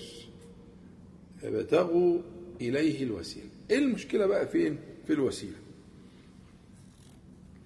الوسيلة بالسين والصاد قريبة منها تنفع الاثنين زي بعض ولاد عامه بس في فرق بسيط كده هنقوله. فاكرين لما قلت لكم بين ال بين المعرفي والسلوكي في وصلة؟ وصلة؟ الوسيلة هي الوصلة. الوسائل هي هذا هذا الجسر الذي ينتقل ابتغوا إليه الوسيلة يعني ما يتوصل به إلى الشيء المرغوب. أنت ترجو من الله تعالى كذا فابتغي إليه وسيلة توصلك إلى هذا الإيه؟ إلى هذا المرغوب. وهي أخص من الوسيلة زي ما قلت لك اللي هي اللي بالصاد لتضمن الوسيلة معنى الرغبة. لأن ال ال ال ال ال ال ال الوصل والوسيلة قد يكون فيها رغبة وقد لا يكون. ده اجتهاد بعض أهل ده اجتهاد الراغب يعني رحمه الله تعالى. وابتغوا إليه الوسيلة. والوسيلة هنا فعيلة فعيلة اللي هي مؤنث فعيل. الفعيل في لغة العرب يجي بمعنى الفاعل ويجي بمعنى المفعول. ما تتخضش موضوع قريب سهل. يجي بمعنى الفاعل زي إيه؟ زي سميع وبصير وقدير خلاص؟ ويجي بمعنى مفعول زي قتيل ها؟ وإلى آخره. يبقى اذا ال- ألو... ال... ال... زي ما كنت بتسأل أهو في, في الصرف ال... ال... ال... اللي هو فعيل ده فعيل ده يجي بمعنى ده من صيغ المبالغة. يجي بمعنى الاسم الفاعل يجي بمعنى اسم المفعول. طب الوسيلة هنا بمعنى إيه؟ بمعنى اسم المفعول. اللي هي الشيء الذي يتوسل ويتوصل به إلى المراد. خلاص؟ حلو قوي كده فهمنا؟ لسه ما دخلناش في, في, في المعنى. بس بنفهم التركيبة الأول. وابتغوا عرفتوا ابتغوا يعني جاهدوا واجتهدوا وبالغوا. في اتخاذ الأسباب الموصلة إلى مرادكم. طب ليه عرفتها؟ آه ليه ما قالش سبحانه وتعالى وابتغوا إليه وسيلة؟ ده التعريف التعريف عند العرب. ال- ال- ال ال المعرفية دي. نعم. يعني إيه تمكين؟ يعني الشيء الممكن منه معروف به. الظاهر الممكن لا أنا أقصد معاني ال في العرب في العربية إيه هي الأصل العمدية ها؟ استدراك الجنس. القصر طيب عشان بس ما نتوهش الناس معانا قال ليه كانت معرفة كأن السامع عارف صح؟ لو قال وابتغوا إليه وسيلة يبقى دور لكن كأنه التعريف هنا تعريف يقول كأنه سبحانه وتعالى جل جلاله يقول إيه؟ الوسيلة اللي أنا قلت لك عليها. الوسيلة اللي أنت عارفها. صح؟ قال دي معناها كده. أما أقول لك هات الكتاب. في في بيني وبينك ما, أنت فاهم الكتاب. مع إن في كتب كتير. لكن لما لك هات الكتاب لما ضفت عليها الألف واللام يبقى أنت عرفت إن في كتاب فيه في كلام بيني وبينك فأنت هتجيب لي الكتابه خلاص محتاجين أكتر من قال دي بقت تعريف للكتاب. فلما قال سبحانه وتعالى وابتغوا إليه الوسيلة الوسيلة فكأنه يقول هذه التي عرفتك. هذه التي عرفتك. ابتغي بالغ في اتخاذ الأسباب الموصلة ها إلى المراد واجتهد في ذلك التي عرفتك. طب فين هي؟ الشرع. فهنا هنا معرفة تدل على أنه أمر قد عرفه الشارع. إن الوسائل أمر مش متروك مش نكر مش محل اجتهاد. الوسيلة أمر قد أقره الشارع فين باقاه في الفتح؟ في الفتح. عشان كده خدت ألف ولام. الوسيلة هي الفتح. الفتحة هي الوسيلة. إزاي يا مولانا؟ شوف يا سيدي صلى على حضرة النبي. عليه الصلاة والسلام الوسائل الشرعية المأمور بها ثلاثة. أعلاها وأعظمها وأخطرها وأجلها التوسل بأسماء الله تعالى وصفاته. وده نص الفتح. ثانيها التوسل بالعمل الصالح. ودي آية في الفتح. ثالثها التوسل بدعاء الصالحين. الأموات هيدعوا إزاي؟ عشان خاطر أحمد سليمان الأحياء. عشان أنا بحبه يعني فتبقى الأحياء. ماشي لكن الميت ما بيدعوش. الميت عايز اللي يدعي له ربنا يرحم أمواتنا وأموات المسلمين. خلاص فهو اتعرفت ليه؟ عشان أنت ليل نهار عمال شغال شغال شغال شغال فيه. عشرات المرات بتقولها في اليوم. فكأنه قال تلك الوسيلة التي عرفتك تلك الوسيلة التي علمتك تلك الوسيلة التي بينت لك. خلاص؟ حلوة. بسم الله الرحمن الرحيم. الحمد لله رب العالمين. الرحمن الرحيم. مالك يوم الدين. أسماء الله تعالى وصفاته. وأعظم ما يتوسل به إلى الله أعظم الوسائل أن تتوسل بأسماء الله تعالى وصفاته أن تتعلمها وأن تتوسل أن تعبد الله تعالى بها. وما فيش عبادة أرقى. شوفوا كل الشريعة والفقه والبتاع والأصول وال... والنحو كل العلوم كلها عشان توصل لقضية الإيمان. والإيمان كله بأركانه الستة عشان يوصل للإيمان بالله. والإيمان بالله تعالى بأركانه الثلاثة عشان يوصل للأسماء والصفات. فمنتهى إرادة كل مريد الأسماء والصفات. الشريعة كلها نازلة عشان كده الدين جه عشان كده. كل الأنبياء والمرسلين ما أرسل الله تعالى نبيا ولا رسولا إلا ليدل الناس على الله تعالى. مفيش حاجة كده بأسماء والصفات. وجعل دلالته بأمره ونهيه بلوغا للدلالة عليه بأسمائه وصفاته. غاية الغايات منتهى الإرادات. أن تعبد الله تعالى بأسمائه وصفاته. فأعظم ما يتوسل به إلى الله تبارك وتعالى أن تتوسل إليه سبحانه وتعالى بأسمائه وصفاته. ولذلك من لا يقول لك اسم الله تعالى الأعظم الذي إذا دعي به أجاب وإذا سئل به أعطى. يكون في القلب مش في اللسان يكون في القلب. وقصة بلعام اللي إحنا هنعمل لها ترويج دلوقتي معاكم الإخوة شغالين فيها. هو ما كان عارفه. مش كان عارفه؟ طب ليه ما ده ما, ما, ما, ما جابش دعاء على موسى عليه السلام؟ الاسم مش مستقر في القلب. مع إنه أسماء الله تعالى يتوسل بها إلى كل مراد وهي أعظم ما يتوسل به إلى الله تبارك وتعالى. ده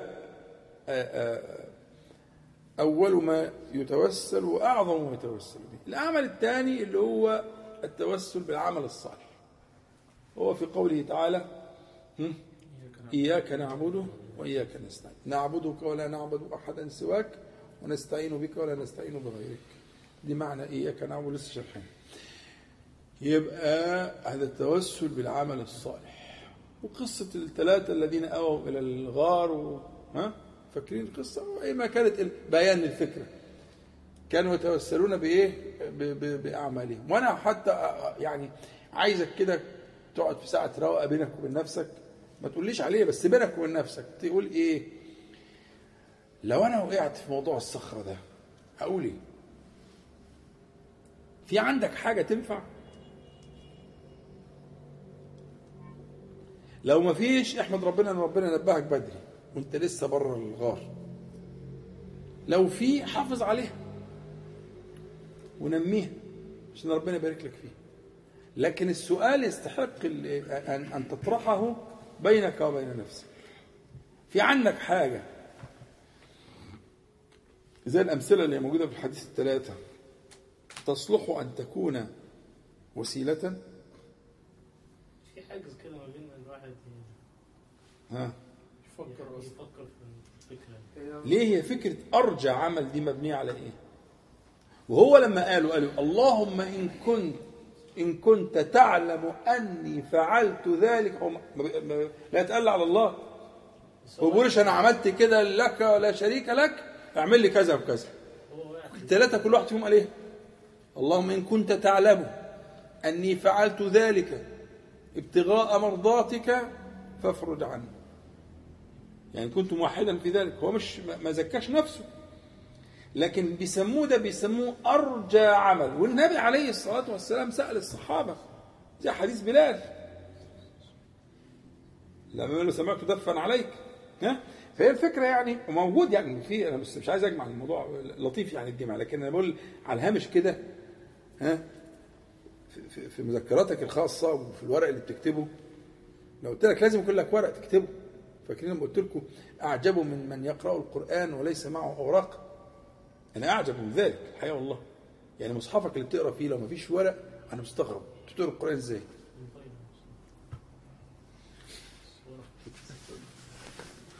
أي حاجة يا محمد يعني المهم في النتيجة أنا راجل بسيط. وعجوز وماليش في الكلام بتاعكم ده. المهم يعني انطباعاتك وانفعالاتك وأسئلتك وأنت بتقرأ القرآن بتروح فين؟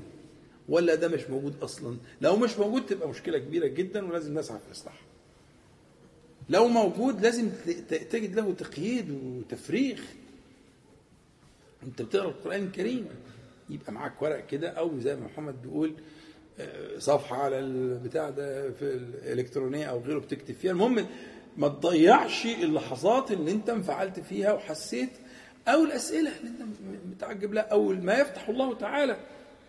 بالنظائر أو إلى آخره. يعني تبقى المهم تبقى يعني خلينا نرجع للموضوع. طبعا حضرتك ده منافي لل- للآية والعمل الصالح يرفعه. يعني فكرة آه، أن ما تقبل من العمل آه، رفع عن اللسان ذكره وعن القلب رؤيته كده. ده منافي. الواحد لو عمل عمل صالح ولسه يبقى هو في مشكلة ولا هو المفروض يعني استنى عليا استنى عليا. رفع عن اللسان ذكره عن الإخوة؟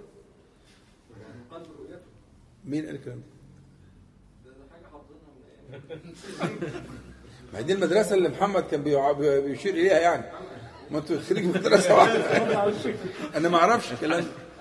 ده حديث في ال- ده ده, ده في البخاري ولا فين الحديث ده ما أعرفوش حضرتك دي آه ما هي دي آخرة الفيس والنيلة السوداء. لا انت انت عمال انت بتغرق وعمال تخبط في أي واحدة. أنا ما أعرفش الكلام ده. أنا أعرف ان إن الحديث الصحيح اللي في البخاري ومسلم اللي أنا قلته إن هو آه، توسل إلى الله تعالى بعمل صالح. وإن آه، بلال في الآخر آه قال يعني لو كان في حاجة تبقى دي. ما توضأت وضوء إلا صلاه بركاته ده اللي أعرفه دي السنة الصحيحة وده النور. أي بقى حاجات من الحاجات اللي هي اللي أنا غلبان مسكين ماليش في القصص دي. آه لازم يبقى لك خبيئة.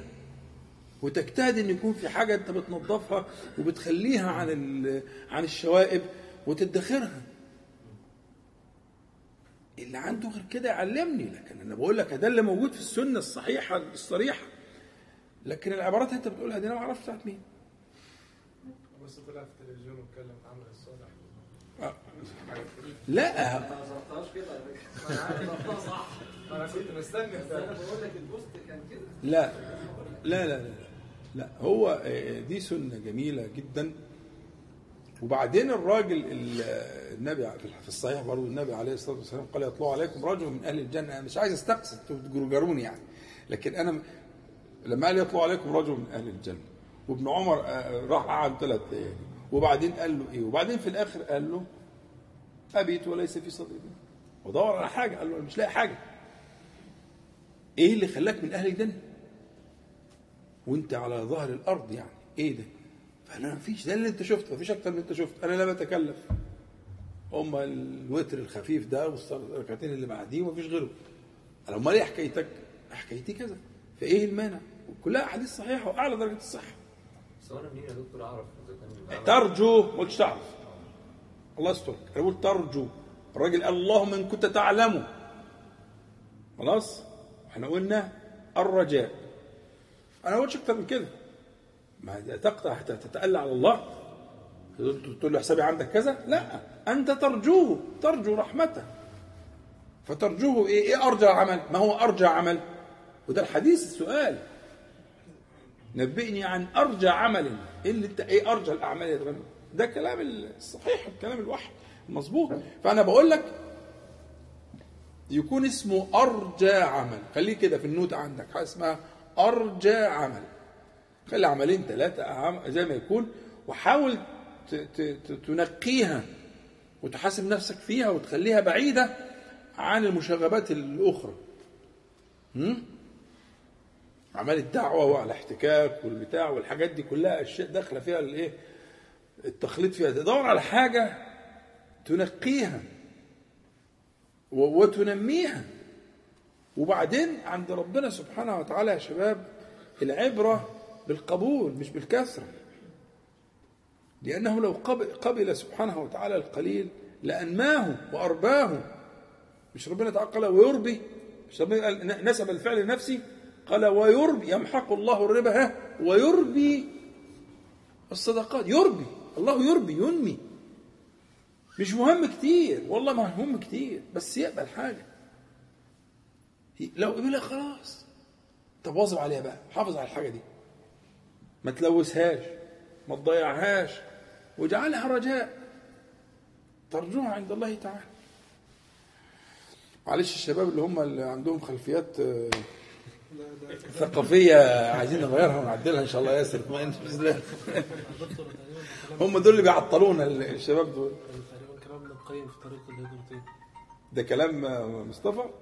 لا ده كلام في سياق مش كلام لكن ابن القيم قايل ال- ال- التعليق على ال- على الأحاديث دي زي ما انت سمعت كده.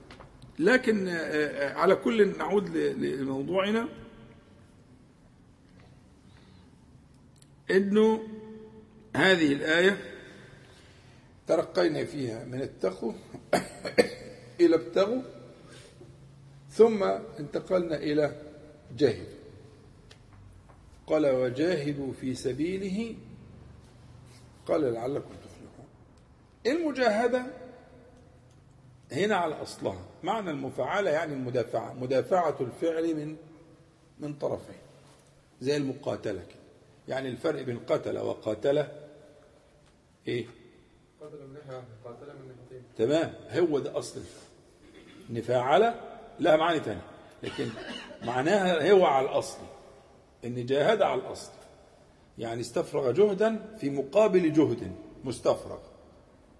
المجاهد يستفرغ جهدا في مقابل جهد متدافع. فالمقاتل يسعى في قتل من يسعى في قتله. ده المقاتل. لكن القاتل حاجة تانية. الذي قتل ده حاجة تانية. ما كانش فيه تدافع للفعل من طرفين. فالفعل هنا جاهد معناه التنبيه على إن في إيه؟ ثم من يدافع. ثم من يدافع. هناك من يدافع. وهم في الحقيقة ثلاثة. ثلاثة. الذين يجاهدون ثلاثة. ويمشوا من جهة القرب والبعد. أقربهم نفسك التي بين جنبيك اللي هي أس الفساد. اللي هي الجبهة الداخلية بتوع الجبهة الداخلية دول اللي هي بتاع إيه؟ فألهمها فجورها. هذه النفس الفاجرة. خدت بالك؟ ومفيش حد معصوم منها زي ما قلنا قبل كده. وشرحنا في حديث آه، آه، ربيع الأسلامي لما قال له عليه الصلاة والسلام إيه؟ أعني على نفسك بكثرة السجود. فقسم ربيع الاثنين فبقى في اثنين ربيع. ربيع الطيب وربيع الشرير. فبيقول لربيع الطيب أعني على ربيع الشرير. اللي هو فألهمها فجورها وتقواها. أنت وأنا وكل الناس كلنا فينا الكلام والصحابه مظبوط؟ حلو قوي فيبقى أو أول أول من يجاهد هذه النفس ال- ال- النفس ال- الايه الفاجرة. تانيها الشيطان والشيطان بيجري من آدم مجرى الدم. فهو قريب بس في الرتبة الثانية. يعني هو يدور. حولك لكن اعلم أنه ضعيف. ونقطة مهمة جدا. بنص القرآن الكريم سورة النساء. إن كيد الشيطان كان ضعيفا. فالخيبة التقيلة إنه على ضعفه ده وبيمكن. صح؟ آه يعني مثلا ستر ما بين آه، آه، أعين الجن وعورات بني آدم. بسم الله. كم حرف بسم الله؟ يتعمي بعيد. شوفش. الواحد بيقلع يقول بسم الله. خلاص. خش بيته ويفتح الباب بسم الله. خلاص. ما قالش بسم الله دخل معاه. بيفتح النور ويقول بسم الله. خلاص. قاعد يتعشى يقول بسم الله. ما فيش عشاء. ما قالش في عشاء. يبقى في مبيته في عشاء وهكذا. فهو من الضعف ان حروف قليلة تقيده وتحجزه وإلى آخره. لكنه سلط علينا ابتلاء زي ما قلنا إيه قصة الابتلاء وقصة آه، ليبلوكم أيكم أحسن. الثالث هم أعوان آه، الشيطان من بني آدم. اللي هم الذين باعوا أنفسهم للشيطان أعوان الشيطان من بني آدم. يبقى وجاهدوا المفعول مش مذكور. يبقى اتقوا الله المفعول الانما وابتغوا الوسيلة مفعول. هنا المفعول بقى الثالثه دي ما فيهاش مفعول. الأولانية مفعولها مذكور والثانيه مفعولها مذكور الثالثه مفعولها مش مذكور. قال وجاهدوا في سبيل. جاهدوا مين ما قالش. ال- ال- ال- المجاهد اللي هو القوة القوى الأخرى التي ستجهد اللي هتدفع الجهد والمدافعة هم الثلاث قوى اللي ذكرناهم. وده الترقي دي رتبة دي الرتبة التي فوق الرتب السابقة. نعم. ودي أرقى على الإطلاق. فإحنا كنا بنقول منهج وفيه معراج فيه ترقي. أعلى الرتب كما أخبر النبي عليه الصلاة والسلام الجهاد في سبيله. والجهاد جهاد النفس والشيطان وأهل الكفر وأعوان الشيطان. والجهاد ثلاث أقسام من الجهاد ومقطوع بذلك وكلام مستفيض ومشتهر إلى آخره. فهنا وجاهدوا في سبيله قال لعلكم تفلحون. فهذا المنهاج وذلك المعراج هو قضية التوسل. نرجع أن تطهير الجوارح تقرب وتقريب بما سبق من إحسانه إلى مزيد إحسانه. تقريب وتقرب بما سبق من إحسانه إلى مزيد إحسانه سبحانه وتعالى. فابتغوا إليه الوسيلة. فإحنا القسم الثاني من الوسيلة هو ده اللي يهمنا دلوقتي. إن أنت وأنت بتتوضأ تقول يا تبص إيدك كده تقول يا مكنتني منها. وحلت بيني وبين قلبي. ورجلك تقول نفس الكلام. وجوارحك كلها تقول نفس الكلام. مكنتني منها. وحلت بيني وبين قلبي. فاللهم فاللهم. عيش الجو الجميل ده. عيش. أنت في حاجات مش قادر على نفسك على قلبك فيها. ولا في حد هنا مش كده؟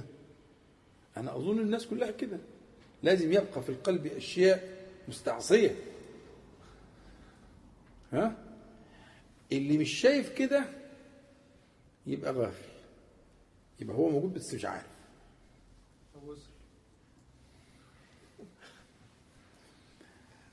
ال ال لابد أن تجد في القلب ما يستعصي. أنت مش قادر عليه. في ترقي طبعا. اللي هتلاقيه النهارده مش اللي هتلاقيه بعد كده. لكن لازم تلاقي. لأن الس- السلامة التامة للقلب لا تكون إلا للأنبياء. اللي هي القلب السليم سلامة تامة.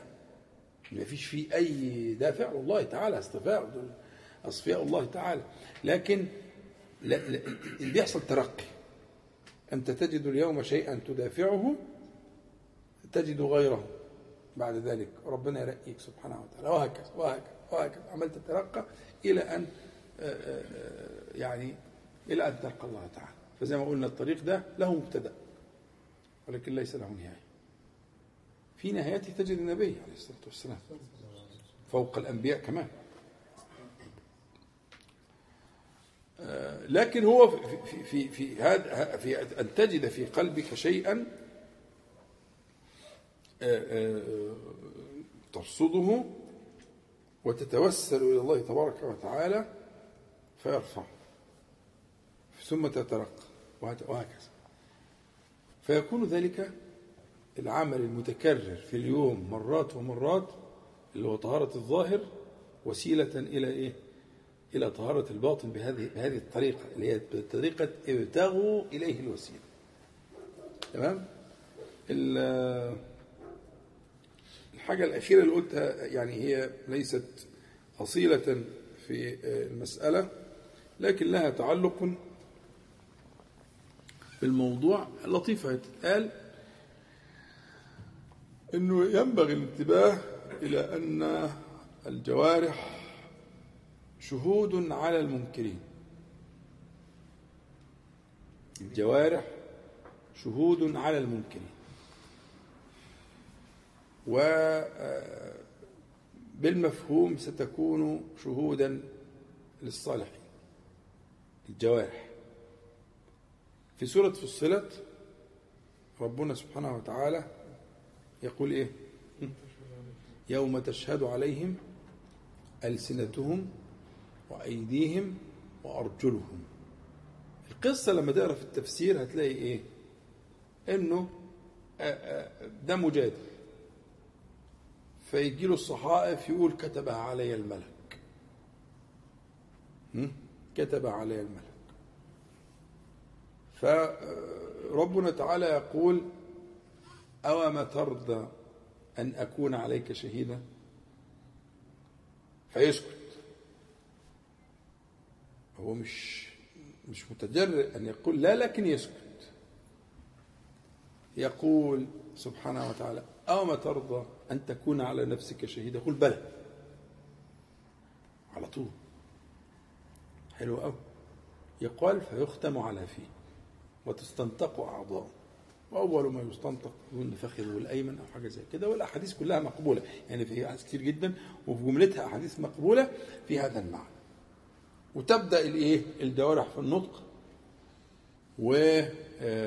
والحكاية وبعدين يرفع عن فيه فيقول تبا لكن عن كنا كنت أخاصم أو أجادل إلى آخره. فهو ال- ال- ال- الجوارح الجوارح دي في الحقيقة آه، عاملة بس ولله المثل بس ركزوا معايا. عاملة زي ما يكون أنت مأجر عربية وهتسلمها في آخر الرحلة. لأن هتبقى ربنا تعالى يقول إيه؟ إنا أنشأناهن إنشاء هو في مصدر بيجي من غير وصف؟ آه الوصف هنا محذوف. يعني إيه انشاء زي ما قلت لك قبل كده أو لبعضكم يعني لما تلاقي المصدر جاي ومش موصوف يبقى في غرض عظيم جدا. لازم لازم يكون في وصف. يعني إيه انشأنهن انشاء يعني انشاء جديدا عظيما باهرا. معناها كده إن انشأنهن انشاء ده لمين بقى؟ النساء. مفيش حاجة اسمها واحدة وحشة. مفيش حاجة اسمها واحدة عندها عيوب. مش كلام من ده. مفيش واحدة اسمها عجوزة. مش اسمها عرجة. مش مش كلام لا لا انسى. وكل الكلام ده كان في في في, دار البلاء دي. كله هيتراضى. وكله هيكون أحلى من بعض. فجعلناهن أبكار. عربا. عارفين عربا يعني إيه؟ ها؟ انت شغال بالتليفون ولا إيه؟ لا خالص. طيب قول. اصل انت محمد معقدني ها؟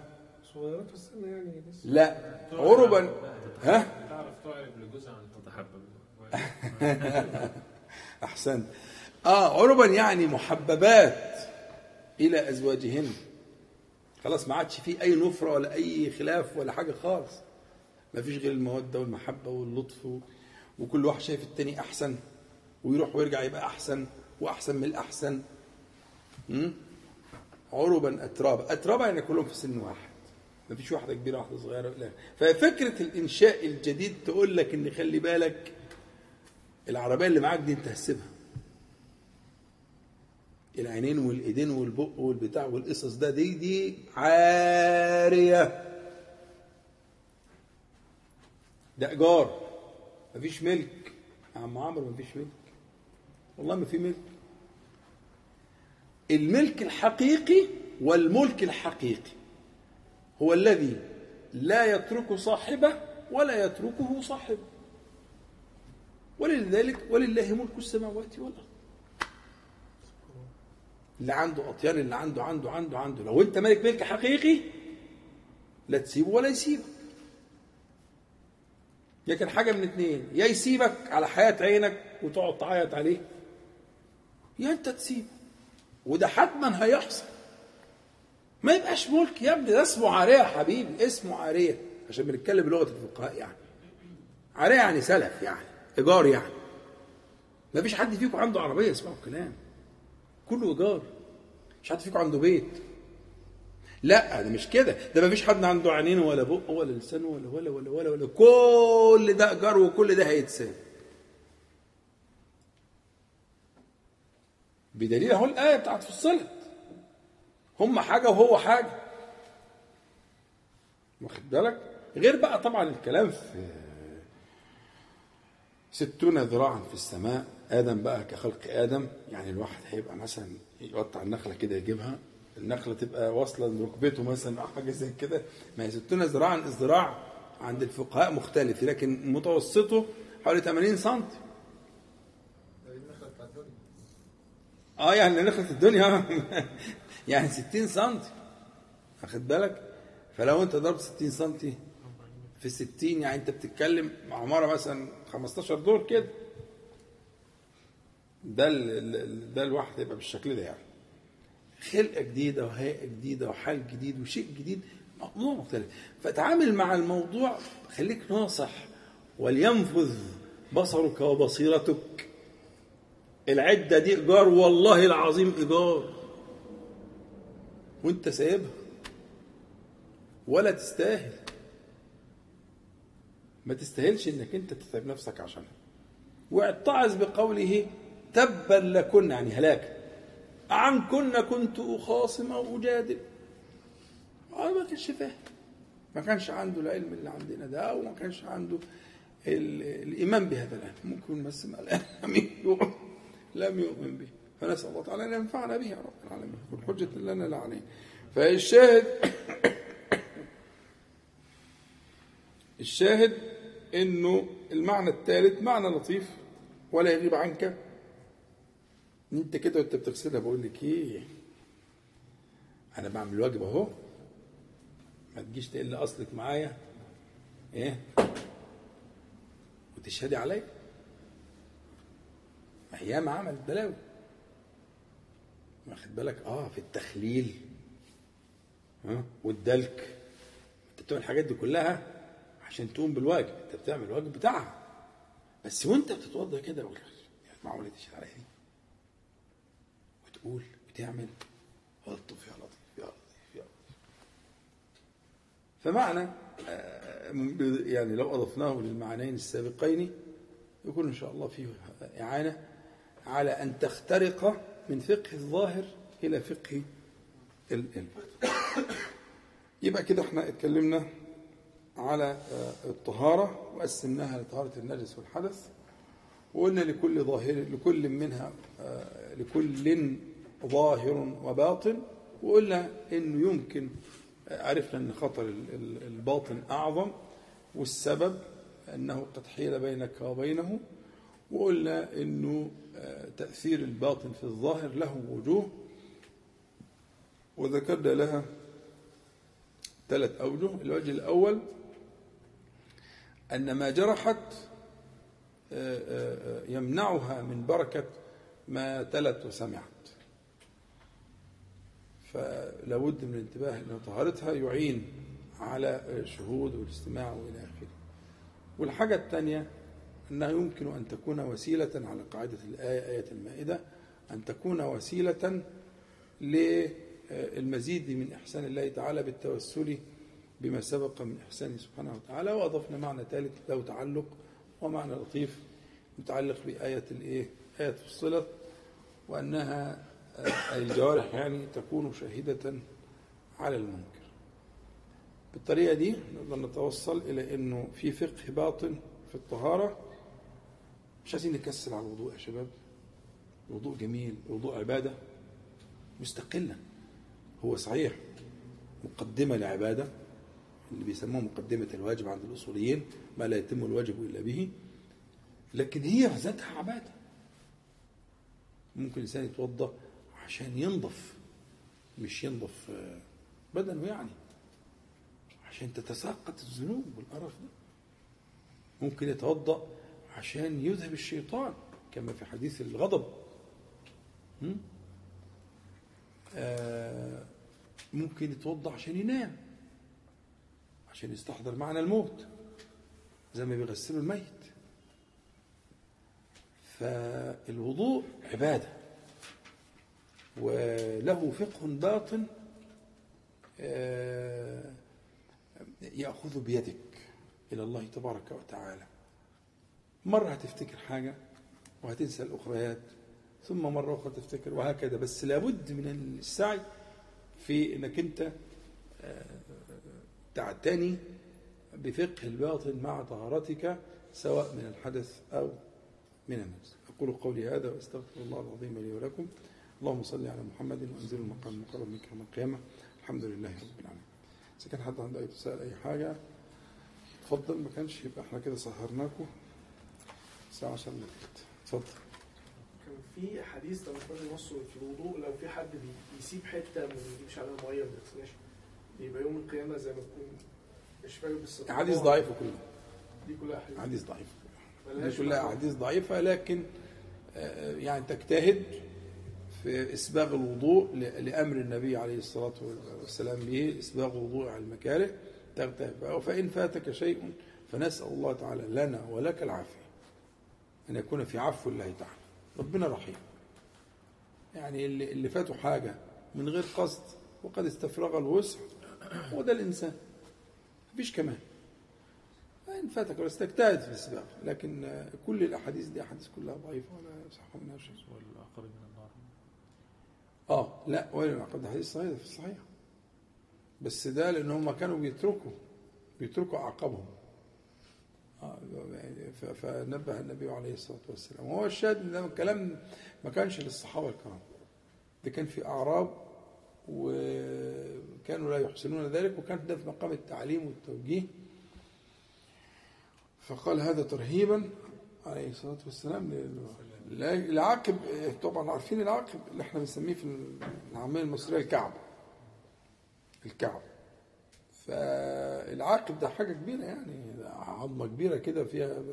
فهو بيرش شوية مية كده على وشه. أنا شفت بعين ناس بتعمل كده كتير يعني في المملكة وهنا. يعني ناس جهلة يعني. يعني تلاقي رجله من ورا ما لم يصلها ماء. فدول عايزين رحمة وعايزين تعليم يعني. فكان النبي عليه الصلاة والسلام بهذا المقال لكن أنا أقصد اللي هو بعد العلم والعمل يعني تعلم الطهارة الوضوء وعمل بها وبعدين فاته شيء. كلنا ذكر مفيش حد ما كلنا ذكر فنسأل الله تعالى العفو. نعم. هيك؟ هيك إن هيك بتفهم موضوع الشرك واللي هي الحاجات اللي يعني اللي هي نعم مش كل الناس كده هل برضه الواحد وهو بيتوضى يبقى هو حاطط في ذهنه إن هو يبقى بيشوف الحاجات ال- الخفيه عنده أو كده يبقى هو- النبي عليه الصلاة والسلام يقول أعوذ بك أن أشرك بك شيئا أعلمه وأستغفرك لما لا أعلم. ففي من الشرك ما يستغفر منه؟ آه طبعا. أنا لا أتكلم عن الشرك الأكبر اللي هو عن النقل عن ملة الإسلام. أنا أتكلم عن الشرك الأصغر اللي هو أن تخشى وتخاف غير الله تعالى أن ترجو غير الله تعالى إلى آخره. فهذا مما يستغفر منه وتطهره الطهارة والوضوء والغسل والركوع والسجود. آه طبعا طبعا. مين خالي؟ مين خالي؟ أنا ما بتكلمش عن الخوف الفطري. أنا بتكلم عن الخوف اللي مش الفطري غير الفطري. قصدي هيك الواحد يحت- يحتسب إن هو سواء كان حسد أو نفاق أو أو أي حاجة باطنية تمام، تمام. عارف تعمل تقول إيه؟ أو اللي يكون في قلبك إيه؟ اللي هو كلام النبي عليه الصلاة والسلام اللهم آتي نفسي تقواها وزكاها أنت خي- خير من زكاها أنت وليه ومولاه أنا ماليش حيلة فيها أنا غلبتني مش عارف المعنى. هو بقى أعلم بها يطهرها مما أصابها. لكن لو في حد عنده حاجة معينة وأكيد لازم يكون بس مش كل واحد يعني منتبه لنفسه قوي آه، يستحضرها يكون أحسن طبعا مش عايز كلام لو في العموم ماشي لكن لو عنده مشكلة في حد عنده مشكلة يعني زي ما ضربت المثل ضربت المثل ده أصله يعني مثل أظن إنه موجود بكثرة يعني. ان هو ملتفت ل... ل... ال- ال- النبي عليه الصلاة والسلام قال له ربه سبحانه وتعالى إيه؟ من آخر آخر طه. لا تمدن عينيك إلى ما متعنا به أزواجا منهم زهرة الحياة الدنيا لنفتنهم فيه. نهي عن كده. مع إن يعني ده إن كل عين ممكن تمتد. فانا وانت معرضين لكده. وبعدين ما فيش حد كامل. ما اللي عياله حلوة هتلاقي عنده مش عارف إيه. واللي مش عارف إيه تلاقي عياله مطلعين روح. واللي مش ده تلاقي مش عارف إيه. واللي ربنا موسع عليه في المال تلاقي مش عارف ما فيش حد. وهي حكمتك يا رب. والناس كلها باصة لبعض. بتقول له دي. امم قصدي الواحد يعني في حالة زي كده مثلا بيدعي مثلا إن هو. آه ما فيش مانع. لا مش كده بلسانه يعني مش كده بلسانه يعني يستحضر في قلبه. أنا لا أقول هذا بلسانه عشان ما بقاش نخش في البدع. أنا بقول إنه يستحضر إلى طهارة الباطن يستحضر طهارة الباطن مع طهارة الظاهر يتوسل. مش مش مش التوسل بالعمل الصالح ده هو الركن الثاني أو الطريق الثاني من طرق التوسل ها؟ اللي هو إياك نعبد وإياك نستعين. أنا أتوسل بهذا. فأنا أريد طهارة الباطن من هذه ال- ال- الأشياء منها الحاجة اللي في ذهني دي. يعني أن- يستحضر ذلك. المهم يكون قلبه مستحضر كده. ويظل يجتهد ويتوضأ ويجتهد. يعني شوف من وقف بباب الكريم حتما فتح. ده باب ربنا باب ربنا بس اقف قف على الباب. واترك الطرقات وهيتفتح هتتحل الإشكالات دي. بس ال- ال- ال- اللي غافل بقى ده وهي المجالس دي للتنبيه لتنبيه ال- الناس الصالحين يعني. ربنا تعالى يقول وذكر إن نفعت الذكرى. إن هنا بمعنى حيث. ها؟ بمعنى في في يعني اختر أيها النبي المكرم الكلام ده للنبي عليه الصلاة والسلام. أيها النبي المكرم اختر المكان والبيئة المناسبة للتذكير. مش كده؟ لا المقام اللائق. فاختر المقام اللائق بالتذكير حيث نفعت الذكر. فتذكير الناس واجب طبعا والناس ربما إن شاء الله تنطلق وتتحل. اتفضل. بالنسبة لحضرتك يعني عودتنا على كل حاجة ليها أصل الحكاية. لكن شوية بتقول إن الشيطان بيجري. آه. اشمعنى بقى الدم يعني وليه المكان ده تحديدا يعني؟ الشيطان بي- بيتخذه كمكان يعني. أنا هجاوب إجابة مختصرة جدا. الموضوع ده يحتاج آه، وقت تمام؟ وموضوع مهم جدا. وأنا قلت لكم لما إن شاء الله يكون في نصيب وهندرس معاكم أنتوا في شغلكم أنتوا موضوع لست وحدك. في مشروع كده شغالين معاه اسمه لست وحدك. يعني انت المؤمن مهم جدا انه يستشعر ان هو لا يعيش وحيدا. فلست وحدك تذكر الله تعالى إن الله تبارك وتعالى معك يراك. ولعلك ولعلك أن تعبده كأنك تراه. ولست وحدك في الملائكة الكرام ولست وحدك في ال- ال- الجن بقسميهما بقسمي الجن. ولست وحدك في السماوات والأرض والجبال والبحار والأسماك وعندنا الأدلة القاطعة في القران والسنة. ربنا تعالى يقول فما بكت عليهم السماء. اذا فده اسمه دلالة المفهوم. فاذا فالسماء تبكي على غيرهم. يعني إذا لم إن لم تبكي على هؤلاء فهي تبكي على غيرهم. يبقى السماء بتبكي والأرض بتبكي والحجر بيسلم وبيشهد وبيسعد وبعدين إن الله وملائكته وأهل السماء وأهل الأرض حتى النملة في جحرها وحتى الحوت لا يصلون بمعنى الدعاء ها؟ على معلم الناس الخير. يعني النمل النمل هو أكبر عدد مخلوق في المملكة الحيوانية من جهة العدد في الأرض. عشان كده ربنا قال أكبر عدد من جهة العدد. في المملكة الحيوانية في الأرض كلها النمل. حتى النملة في جحرها. طب النمل اللي فين وفين وفي الاقاصي أيوه. يصلي على معلم الناس الخير. حضراتكم يعني. فلست وحدك. فده مشروع. فهو حكاية لما لما نتكلم على الجن في العموم ونتكلم على الشياطين وحكاية يجري من ابن آدم ده إن شاء الله هنشرح كلام بس هي موضوع مهم طبعا. لكن هو الدم الدم هو ال ال الوسيلة المواصلات اللي بتصل لكل كل خلية. عشان كده يعني. هو الحاجة اللي بتصل كل خلية مش هو اختار ولا حاجة ده ربنا اللي اختار له عشان يختبرني ويختبرك. ها؟ فهو الشيء الذي يصل إلى كل ما أنا قلت لك أنا يتغلل يتغلغل في أثنائها يشربها زي الايه زي ال ال الشربات في الكنافة. نخليه مثل حلو مش هنجيب مثل وحش. زي الشربات في الكنافة. يقول لك فين الشربات؟ مفيش شربات. تدوق الكنافة تلاقي فيها شربات. هو فين؟ يقول لك تغلغل في أثنائها.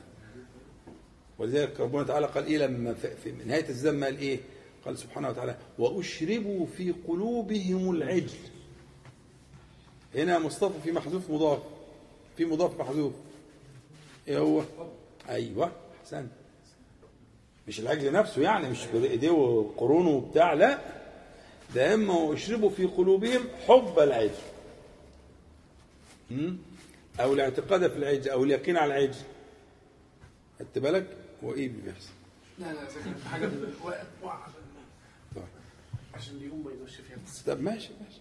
عشان بس اطمئن ف مسألة الدم اختيارها زي ما أنت فهمت كده لكن الموضوع جميل جدا.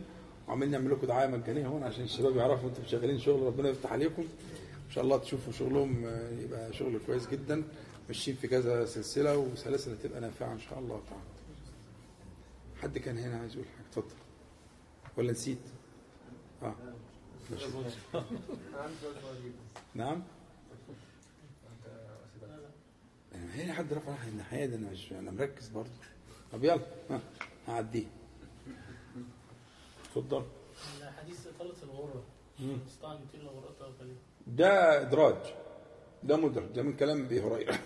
واجتهاد خاطئ منه رضي الله عنه. ابو هريرة رضي الله عنه لم يكن فقيها هو وعاء كما وصف النبي عليه الصلاة والسلام ما أتاه الله تعالى من الخير من النبوة يعني. فالناس كانوا أربعة أقسام منها قيعان.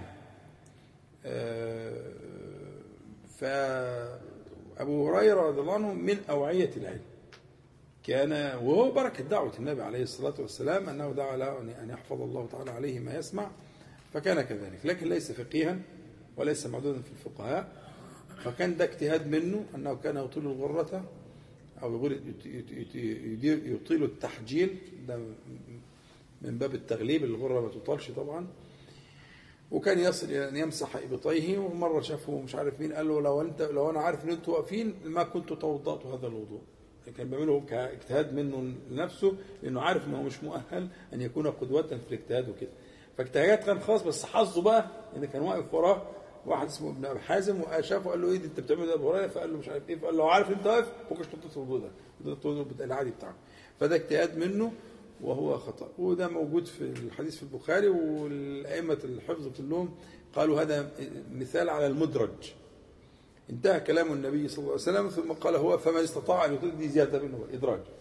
فبقت تتحكي في الحديث كأنها من كلام النبي عليه الصلاة والسلام وليست من كلام. والله أعلم. الدعاء في اخر الوضوء. الأدعية اللي في آخر الوضوء في منها كتير سندوا فيه كلام وهم الأدعية الصحيحة السند دعائين أو ثلاثة. أشهد أن لا إله إلا الله وحده لا شريك له وأشهد أن محمدا عبده ورسوله. اللهم اجعلني من التوابين واجعلني من المتطهرين. اللهم اغفر لي ذنبي وبارك لي في رزقي وسع لي في داري. كان ينظر إلى السماء عليه الصلاة والسلام يرفع طرفه إلى السماء ويقول هذا الدعاء آه، في أدعية كتير طبعا وفي أدعية على كل ركن وعلى كل عضو وعلى كل رجل وعلى كل إيه كل الكلام ده لا تصح نسبته إلى النبي عليه الصلاة والسلام. وأنا لا أشجع على الذكر مع الوضوء ولكن مع الفكر. الفكر مع الوضوء التفكر التدبر هيكون أنفع. وكويس إنكم فكرتوني. أعيد عليكم شيء كنا اتفقنا عليه في المجلس الأول والثاني.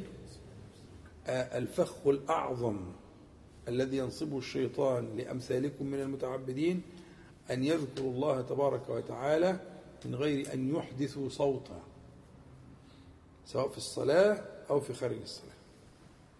وهذا لا يعد قراءة قراءة معناها خروج صوت بس في فرق بين الجهر والإسرار الجهر أن تسمع غيرك. الإسرار خلي بالك من اللي هقوله ده أن تسمع نفسك ولا تسمع غيرك. ده اسمه الإصرار.